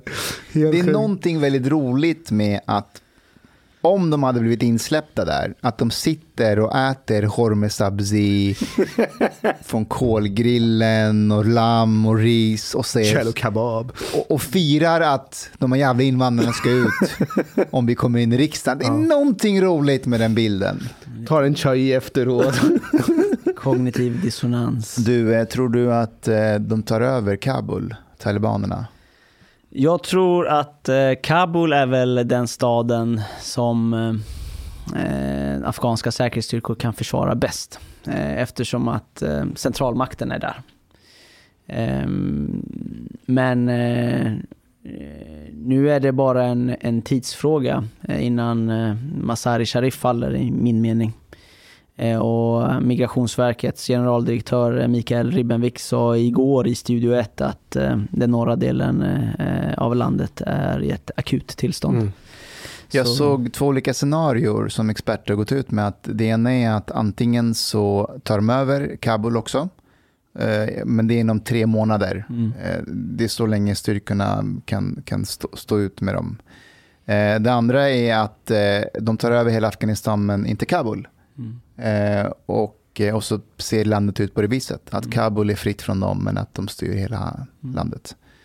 Det kan finnas eh, politiska eh, intressen i att eh, försöka minska talibanernas framfart så mycket som, så mycket som det går genom att försöka eh, få dem att vilja regera med delar av nuvarande eh, regeringsmakt då, så att säga. Så att, eh, Om eh, de eh, lyckas ta över hela Afghanistan, eh, hur, hur stor tror du risken är att Afghanistan åter, återigen blir en bas för terror, eh, alltså terrorbas där Al-Qaida och IS nu också tillsammans med talibanerna kommer att operera och så kommer vi se mer attacker mot väst i framtiden. Mm. Det är en tänkbar, eh, tänkbart scenario. Talibanerna har ju gått ut och eh, officiellt i en viss kommunikation tagit avstånd från de här grupperna och sagt att nej, nej, det här är vårt land och det är vi som bestämmer. Men eh, mycket talar för att den typen av kommunikation är falsk och att de har ett nära samarbete med de här grupperna. Och vi får heller inte glömma Pakistan i det här. Eh, och den eh, kommunikation och eh, aktivitet som sker vid gränsen mellan Afghanistan och Pakistan där talibanerna kan röra sig obehindrat. Kan det vara så att talibanerna egentligen inte vill ha något med Al-Qaida och IS och Pakistan att göra, men när de kommer och knackar på dörren så ställer den afghanska gästfriheten till det. In, varsågod. Kom. kom in, där är terrorbasen. där. Du kan inte säga nej. Andra stormakter då? Men för, Finns det för, nej men för det är ju så, de, här eh, afghanska soldaterna, de är ju eh, illojala. Jag har ju hört många gånger att man byter, un, som man byter underkläder, om de har underkläder, byter de ju även, de byter, alltså de är allierade Sida. med, med ena sidan med talibanerna och sen så går man över på den andra sidan. Man, man byter sida hej vilt. Det där eh, förekommer framförallt med ehm, eh, styrkor ehm, eh, motsvarande, eh, jag tror att det, begreppet heter arbakis. Det vill säga ehm, du har försvars, du har eh, militär personal i form av afghanska armén, du har eh, polisiär personal i form av den afghanska eh, polisen eh, Eh, och sen har du eh, gerillasoldater kan man säga, eh, kallas som går under namnet arbakis. Då. Och de har många gånger gjort just så att eh, under sommarperioden eh, under våren när eh, det är grönt, eh, det är nice att vara utomhus så har de krigat mot regeringsmakten. Och sen när vintern kommer, det börjar bli jobbigt att eh, vara ute. Då byter de sida och eh, är med eh, eh, regeringen mot motståndet. Och så när våren och sommaren kommer, då byter de sida igen. Så att eh, det där är, eh, som du säger Hanif, eh, också en eh, faktor att förhålla sig till då. Jag lovade att vi skulle ringa Chang. Åh nej. Jag ville verkligen slå honom förra gången.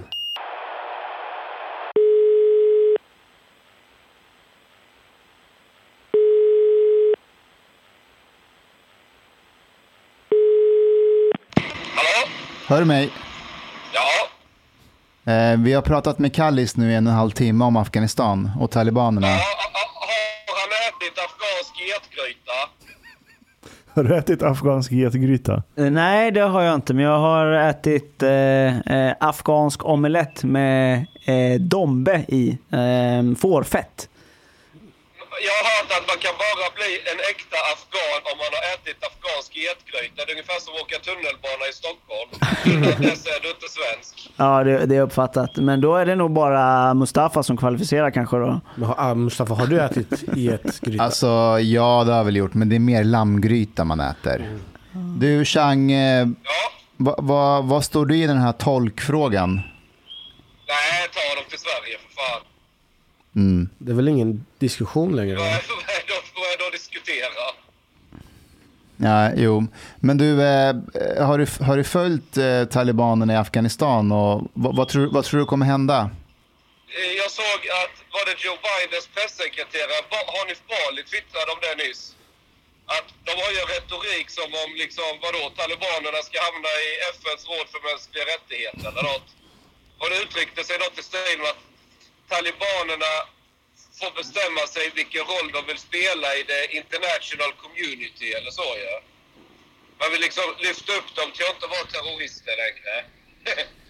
Så lite så här nationalstatsautist. Att nej, men de kan också vara en nationalstat. Och... Ja, alltså den linjen hade kanske funkat mot talibaner för 30 år sedan.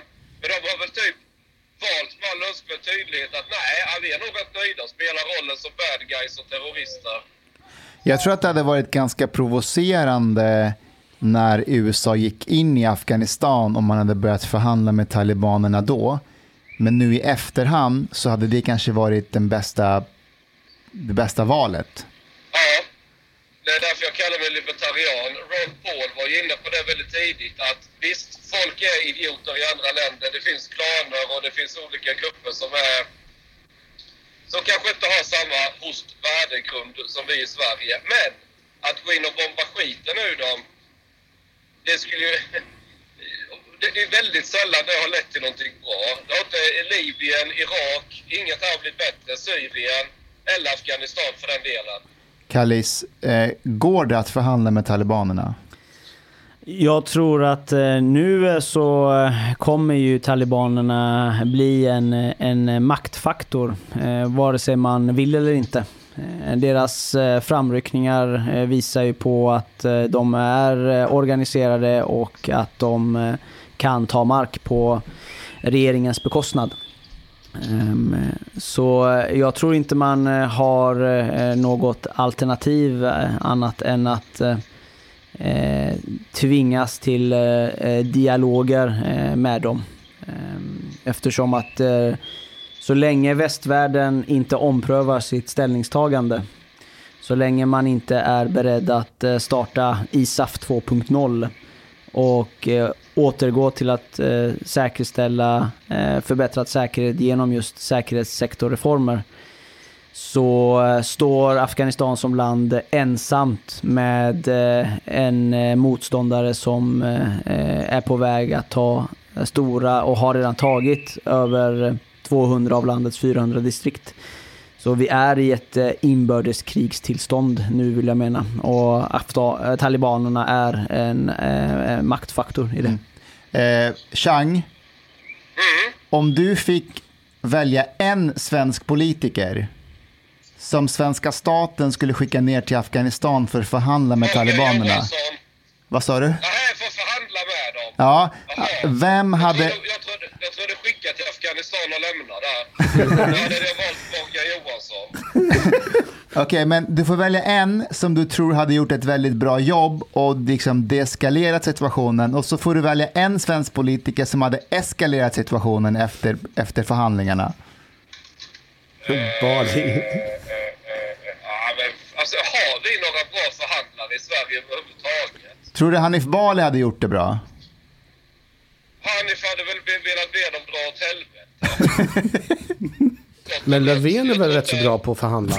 Kan ni tänka er Stefan Löfven i Men han Afghanistan? är ju, han är ju Försöka strategisk. förhandla med talibaner. Men han är ju strategisk, han är ju skitbra.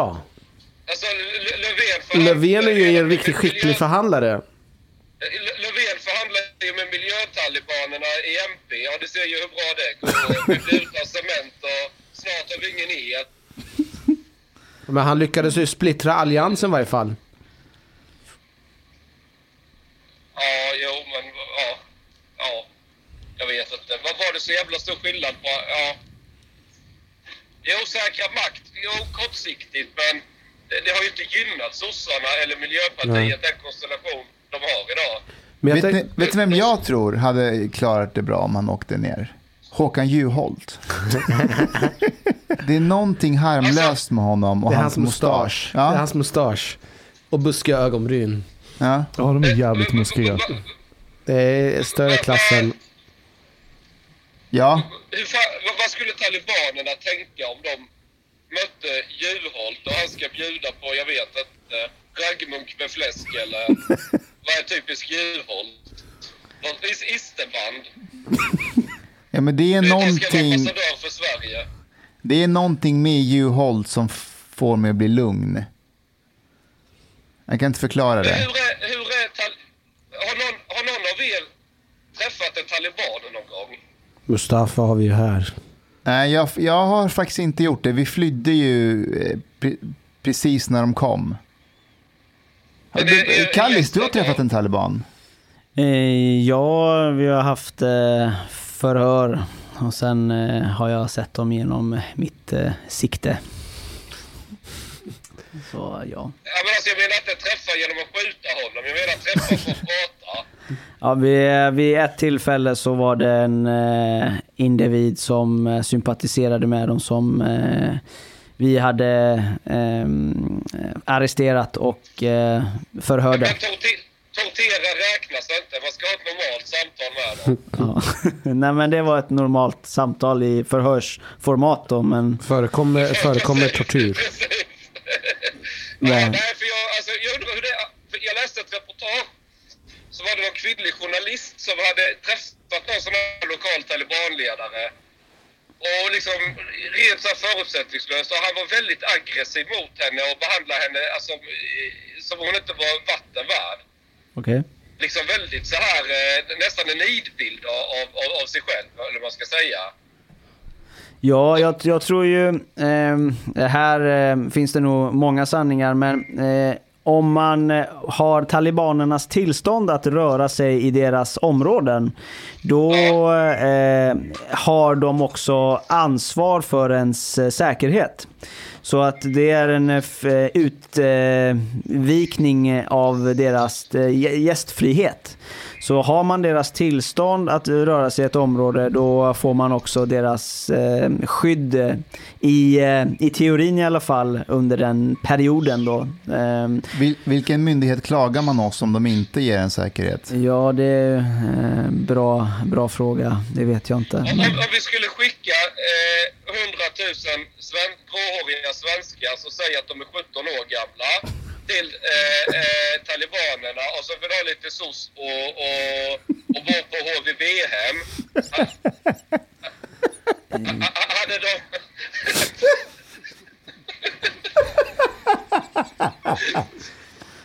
Kanske det skulle vara något. Jag vet, epatraktorraggarna kanske vi skulle skicka till talibanerna. ja, det, det får du ta med dem, Chang, tänker jag här jag vet inte. Men jag tänkte på en sak, Chang. Nu, vi- alltså, Miljöpartiet borde ju vara väldigt glada nu åt vad talibanerna gör. För nu borde ju rimligtvis alla de här eh, Amnesty, vad heter de? Eh, de här som har... Eh, eh, de ska ju ha någon form av amnesty här, att de får vara här. Alltså gymnasielagen. Gymnasielagen. Man har ju släppt dem ju. Eh, Är alla släppta? Ja, alltså de satt ju i något förvar, de som skulle utvisas i alla fall, Mm. eller avvisas. Och de bara släppte dem, de sa ingenting till dem, de sa bara "Ja, ut. Ja. Tack vare talibanerna så är de fria nu, alla. Och de lär väl inte eh, utvisas. Alltså om det stämmer, det är någonting mörkt över att, att som miljöpartist sitta hemma och säga yes, att talibanerna tog över Afghanistan, eller håller på att ta över, för nu kan vi släppa de här unga afghanerna från förvaret. Eh, Det är viss cynism i flera lager, ja. Men du Chang, Men det- du ska till Lund ikväll. Ja, jag sitter i bilen utan tröja. För det är- ingen AC har pajat i denna och det är en sån här buss jag har för vi ska köra med en massa grejer från Skåne. Så Va? jag sitter och svettas med bar överkropp när jag kör. Varför ska du till Lund? Vad är det för grejer du transporterar? Det, det kan jag inte berätta med tanke på ditt yrke, Hanif. Men, men eh, nej, jag skojar med dig. Eh, det är inte knark, inte den här gången. Eh, när vi var i Kroatien så hade svärmor köpt en jävla massa grejer och fyllt en resväska full med massa skit. Så tydligen måste hem till Bålsta. Vi orkade inte åka bil hem utan vi tog flyget. Så nu har väskan hamnat i Lund så vi ska ta med den och, och så var det så lite långhelg nu så ville Polina att vi skulle snurra ner i Lund och jag vet inte vad hon har tänkt sig att jag ska göra där. Ystad havsbad, är det någonting som kan locka er där? Nej, jag är inte så glad i att bada om det är under 27 grader i vattnet. Men Men du, jag, jag, jag är ju från Skåne så jag känner ju många där. Chang, ja, när, när ska du till Damaskus? möjligen på tisdag. Nu på tisdag. Sista måltiden ska man... Va, vad ska du göra i Damaskus? Eh, jag ska träffa i sådana fall en delegation, typ en rysk delegation som... Och, eh, så här, jag håller på att försöka hjälpa några syrianer få kontakt med... Alltså vi har ju en stor syri- syriansk diaspora i Sverige. Ja. Och det finns folk som vill ha kontakt med, det blir typ Assad-regimen slash ryssarna, om man säger så. För det, det är de som de facto styr. Eh, ja, det är väl den korta korta förklaringen. Eh, det, det, finns, det finns ju land i Syrien som ägs av syrianer som bland annat bor i Sverige men även Tyskland och så. Och de är lite bekymrade. De, de vill liksom kunna... Många vill ju säkert kunna åka tillbaka till Syrien och, och du vet när kriget lugnar ner sig börja liksom titta framåt nu. Vara lite konstruktiv. Och då vill man att ryssarna etablerar en militärbas i deras områden för att, ja... ja. Så jag ska se om jag kan övertala ryssar att etablera en militärbas åt syrianerna. Chang, Ja. vad tror du Patrik Oksanen kommer säga när han får reda på det här? Ja, men han måste väl vara jätteglad när någon svensk kan bidra till lite fred och stabilitet i Syrien. Jag kan ju inte tänka mig annat än att där kommer väl han vara glad och, och, och känna sig lite stolt också. Ja, du, vi ska fortsätta här nu. Du får berätta mer om det där sen. Eh, ja, om det nu blir att jag åker. Jag har inte, jag har inte bestämt helt hundra än. Okej, Men ja, vi- jag kan dra mer detaljer sen. Hej med kör, försiktigt. Hej då.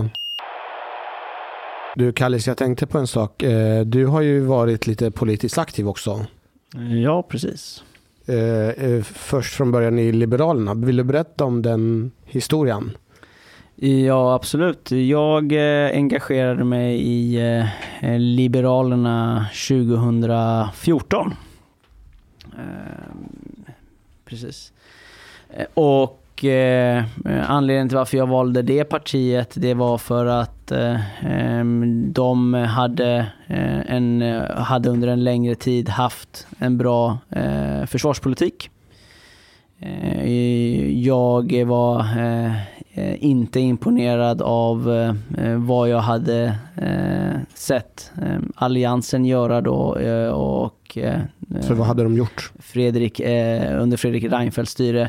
Nej, den totala nedmonteringen av Försvarsmakten egentligen. Och det var för mig svårt att svälja då eftersom att eh, Moderaterna eh, tidigare eh, hade varit ett eh, försvarsvänligt parti då.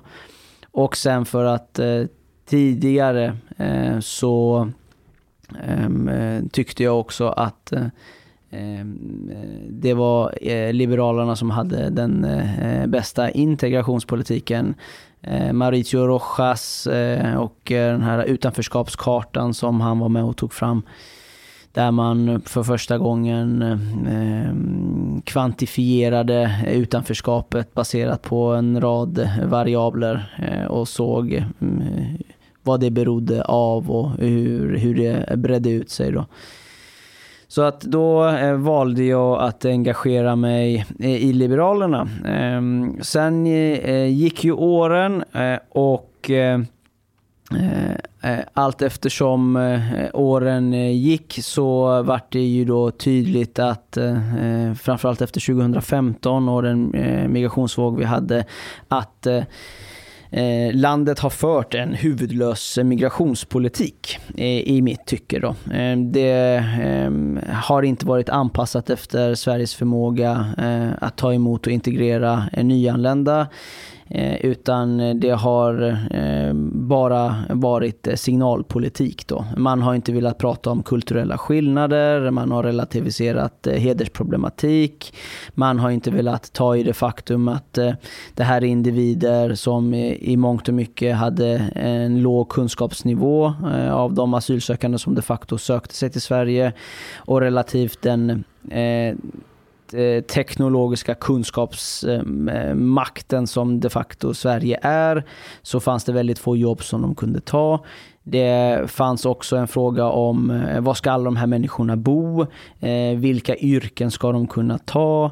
Eh, och sedermera sen också en, en, eh, en, en, diskussion om eh, kulturer, det vill säga inställningar till jämlikhet, jämställdhet och så vidare. Som sen då kvantifierades på ett väldigt bra sätt tycker jag med den här uh, World Value Survey-kartan, den här kulturkartan. Där man svart på vitt ser att det finns skillnader och att vi bör då Ehm, förhålla oss till det på ett sakligt sätt tycker jag.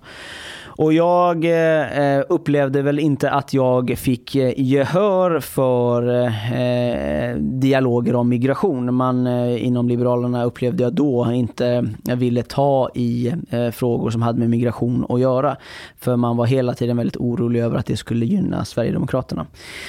Och det som eh, fick mig sen att eh, helt enkelt välja att lämna partiet, det var att eh, efter valrörelsen så satte man sig i knät på den regering man gick till val på att rösta bort. Just det. Då hade man ägnat en hel valrörelse åt att säga att eh, nuvarande regering eh, är något vi ska eh, motarbeta. Vi ska eh, ta makten, eh, eh, signalera att man var ett eh, borgerligt parti. Då. Och sen gjorde man precis tvärtom eh, när man väl eh, hade möjlighet och valde att rösta, släppa fram Stefan Löfven då som statsminister. Och med argumentet att eh, Sverigedemokraterna vill vi inte ha att göra med. Vi vill inte bedriva politik som kräver deras aktiva stöd. Och i det här så har man ju då heller inte varit ärlig i att man har i ett inledande skede runt 2018 röstat bort Stefan Löfvens eh, eh ministär, regering med eh, Sverigedemokraternas aktiva stöd. Man har eh, valt talman i riksdagen ehm, genom Sverigedemokraternas aktiva stöd. Så att det fanns ju en eh, hög grad av kognitiv dissonans här. Eh, och man eh, tydliggjorde att det är, det, är viktigare att ta avstånd ifrån ett folkvalt parti än att försöka få igenom sin egen politik. Och då eh, sa jag tack och hej. Eh, I samband med att Moderaterna hörde av sig till mig och frågade om jag ville ingå i deras integrationskommission. Eh, och om eh, 2019 ehm, då. Eh, så då lämnade jag Liberalerna eh, och så vart jag partipolitiskt oberoende och ingick, ingick som en oberoende expert i Moderaternas integrationskommission och bistod dem då i att ta fram en integrationspolitik som har en koppling till migration och som bygger på konsekvensanalyser. Då. Jag pratade med en eh, gemensam bekant som berättade att det fanns ingen person som kunde vara så förberedd inför de här olika typerna av möten. Alla PM, allting. Du var så verkligen påläst när det gäller de här mötena. Och du, du var, när alla andra bara skum, eh, ögnade igenom papperna så var du nästan lite anal där. Du hade bara gått igenom allting, hade skrivit upp frågor och var verkligen förberedd till tand och tråd. Känner, du igen det? Ja, ja, men jag ville ju göra ett så bra jobb som möjligt. Här hade jag fått ett förtroende av Moderaterna eh, som jag ville axla och fått en möjlighet att påverka nationell politik. Så att jag försökte efter min bästa förmåga göra ett så bra jobb som möjligt. Då. Och jag tycker väl att nu, eh, de skälen till varför jag valde bort Moderaterna en gång i tiden, det vill säga eh, eh det de gjorde kring Försvarsmakten och försvarspolitiken och att de inte hade en lika bra integrationspolitik då. De skälen är ju borta. Jag tycker nu är de eh, helt rätt i försvarsfrågor. Försvarsmakten är central för landets väl och ve. Eh, och de har också nu eh, de, eh, de är också det enda partiet som sträckt ut en hand till allmänheten och sagt eh, hjälp oss, ni som eh, vi bedömer kan de här frågorna bra och tillsatt en oberoende eh, expertgrupp, då, en referensgrupp för att då stötta deras politiker. Och just den ansatsen står det ju fritt alla andra riksdagspartier att göra också, ta in hjälp utifrån. Och det gör de ju, men de går inte ut offentligt med det och säger eh, hej offentligheten och ni som verkar i den. Vi ska sätta ihop ett program som är bra för Sverige. Ni som kan någonting får jättegärna komma och hjälpa oss. Eh, det gjorde just Moderaterna. Så att, och sen dess, eh, den eh, rapporten släpptes eh, i år. Vad har res- hur har responsen varit kopplat till den? då? Den har varit bra i min uppfattning, men som ni är väl bekanta med så är ju inte Moderaterna i regeringsställning.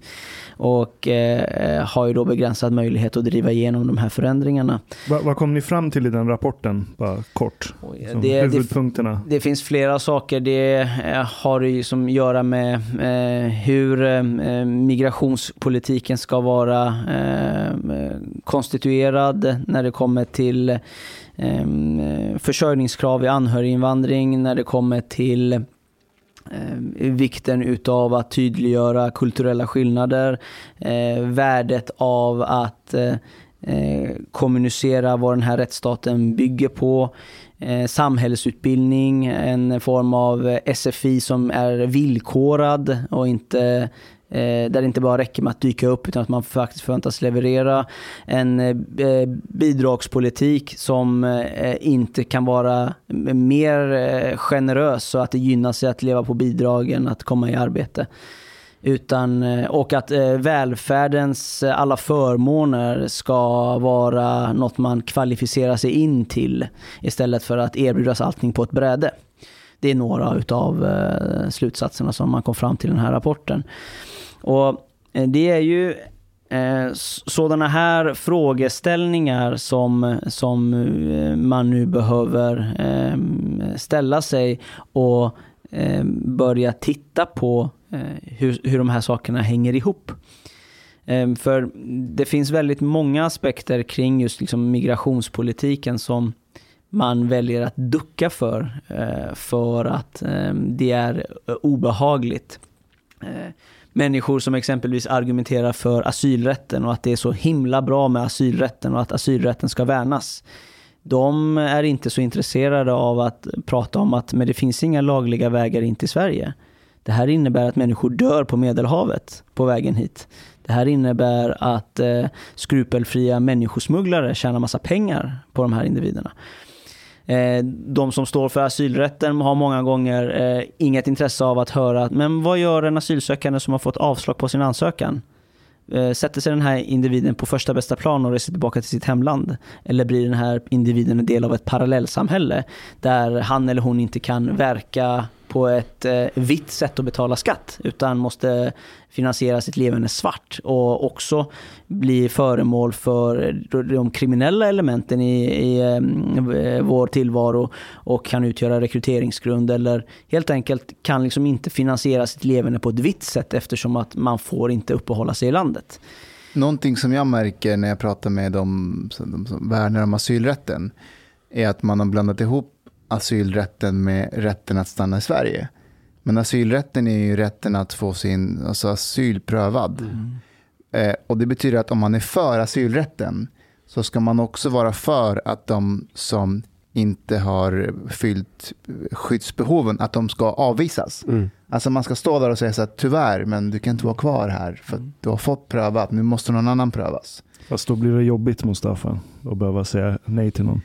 En annan teori jag har kring det där, eh, om man ska applicera ett evolutionärt perspektiv på hur folk tar sig hit. Liksom, vilka individer selekterar du för? Mm. När du har ett system där du måste ta dig över extremt farliga vägar och vatten för att sen komma hit. Mm. Så skulle inte jag, det är bara en hypotes, jag har inga belägg för det här, men det borde selektera lite grann åt människor som är lite mer riskfyllda, eh, lite mindre impulskontroll som beslutar sig för att göra det här. Såklart inte alla, men det räcker med en pytteliten förskjutning åt det hållet för att radikalt öka potentiella poolen av framtida kriminella som kom hit. För det är ju samma psykologiska egenskaper som också gör dig högriskperson för att bli kriminell. Jag tror det du är inne på just i selekteringen är en eh, bärande del i min kritik kring asylrätten. Det är att eh, med det här systemet så ger man uppehållstillstånd till, uppehållstillstånd till de som har det lägsta behovet av skydd. Eh, oftast unga män. Yes. Medan de som har det största skyddsbehovet, kvinnor, barn och funktionshindrade, de får inte den här möjligheten. Eh, utan det är unga män som får möjligheten på bekostnad av de här individerna. Och jag kan någonstans tycka så här att nu behöver vi inte konstatera det konstaterandet vi gjorde 2015 om att vi kan inte ta, vi kan inte ta emot alla människor som eh, är i behov av skydd. Utan då borde vi ta våra begränsade resurser och lägga dem på de individerna som har det största skyddsbehovet, inte på de individerna som har den största möjligheten att ta sig hit. Mm. Så att, eh, men det är ju någonting som är känsligt. Eh, och när, ehm, det var ju det här jag också eh, ledsnade på ehm, när jag var politiskt aktiv en gång i tiden. Att var finns intresset för verkligheten och sakfrågan? Är eh, signaleringen och positioneringen viktigare än ehm, eh, vår förmåga att göra en riktig skillnad för riktigt skyddsbehövande människor. På tal om att eh, ledsna ibland på saker och ting. Du och jag har ju en podd tillsammans. Ja, Gränslöst heter den tillsammans med vår vän Malcolm Schune och när han dyker upp då. Eh, Men eh, vi har ju haft ett tema där vi träffat massa partiledare. ja precis. Problemet var bara att de som tackade ja till att medverka var mest från högerkanten. Mm. Så vi hade Jimmie Åkesson i podden, vi hade Nyamko Sabuni, vi hade eh, Ulf Kristersson, Ebba Busch och så hade vi med oss en sosse också. Hade ni? Just det, ni hade? Ardalan också. Varit Shekarabi. Ja. Tungt. Hur gick det då? Det gick jättebra. Jag, jag, jag blev jätteglad att han tackade ja och kom. Och vi hade Han är ett- skön, jag gillar honom. Jag gillar honom också, vi hade ett bra samtal. Men jag hörde av mig till alla andra partiledare eh, som tackade nej. De ville inte komma. Eh, och, eh, va, varför tror du att de tackade nej, Kallis? Jag tror ju att det har att göra med att eh, vi skulle inte nöja oss med eh, eh, fluff och fina adjektiv. Det tror jag är det huvudsakliga skälet. Utan att eh, vi är väl pålästa, eh, vi ställer kritiska frågor eh, och eh, vi nöjer oss inte med utfästelser som, utfästelser som att eh, liksom, Sverige ska vara en fyr av medmänsklighet i ett hav av främlingsfientlighet. Det är liksom, vi går inte igång på det, utan vi ställer frågor kring, men eh, hur tänkte du det här i verkligheten? Och då Men- blir det genast lite jobbigt. Precis, men samtidigt, jag kan förstå. Tänk om vi satt där med Per Bolund. som, som skulle säga att problemet i Sverige är den strukturella rasismen. Och Malcolm Schune med sitt afro skulle säga nej. Och jag skulle säga nej och Kalle skulle säga nej. Vad ska han, vad ska han svara tillbaka? För det som tyvärr har skett, skett med debatten delvis, det är ju att Per Bolund kan ju, alltså nu, nu lägger jag ord i munnen på honom, men eh, det blir utifrån din färg som du får uttala det, inte utifrån hur det faktiskt ligger till. Så hade vi haft en strukturell rasism i Sverige, då hade ju han kunnat komma till podden och säga så här, grabbar, er identitet är helt ointressant. Det här är fakta. Vi har strukturell rasism i Sverige. Jag skiter i att du är svart och du är afro, du är afghan och du är iranier. Så här ser det ut faktiskt.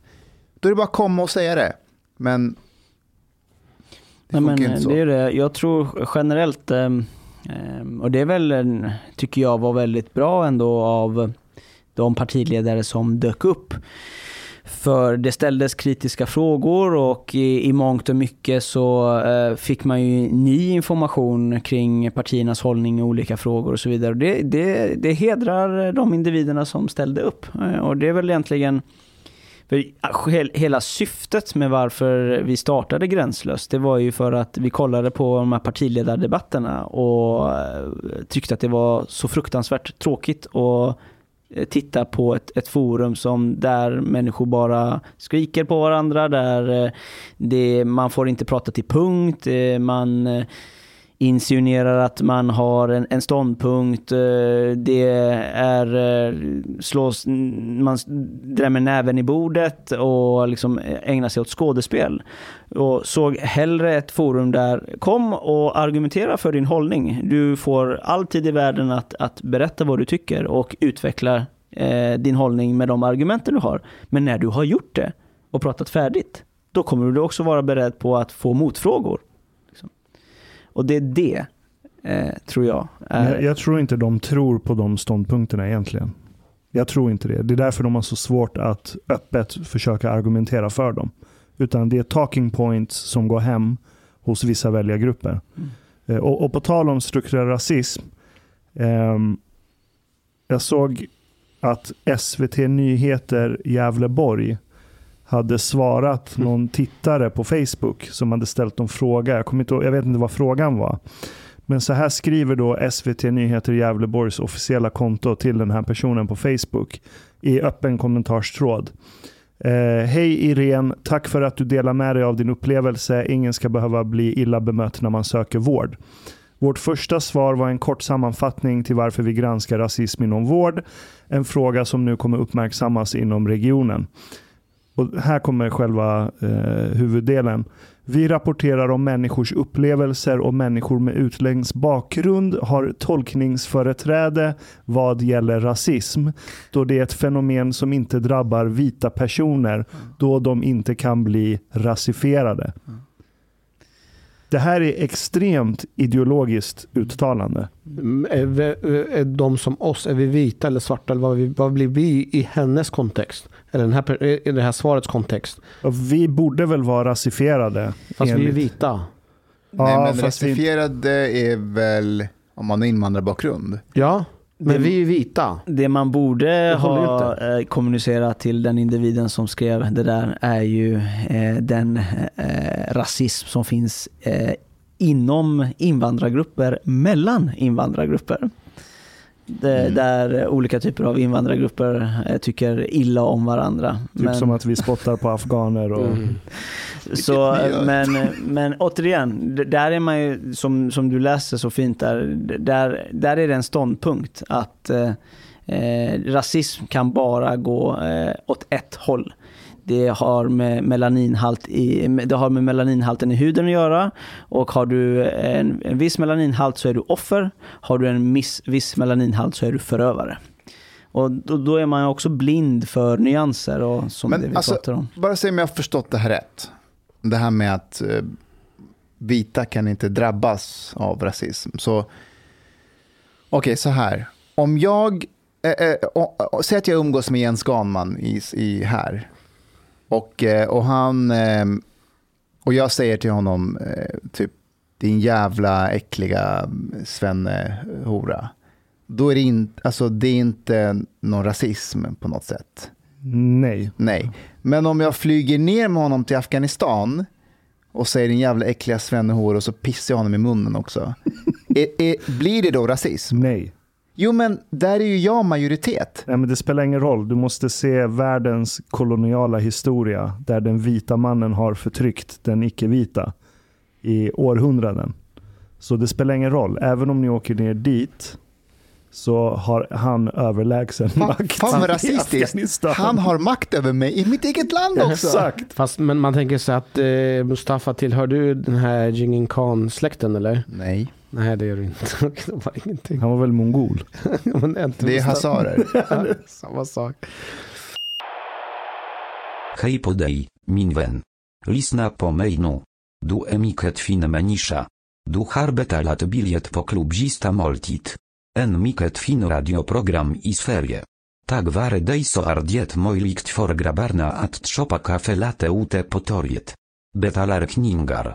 Shopa blut pudding til familien. Oka tunnelbana.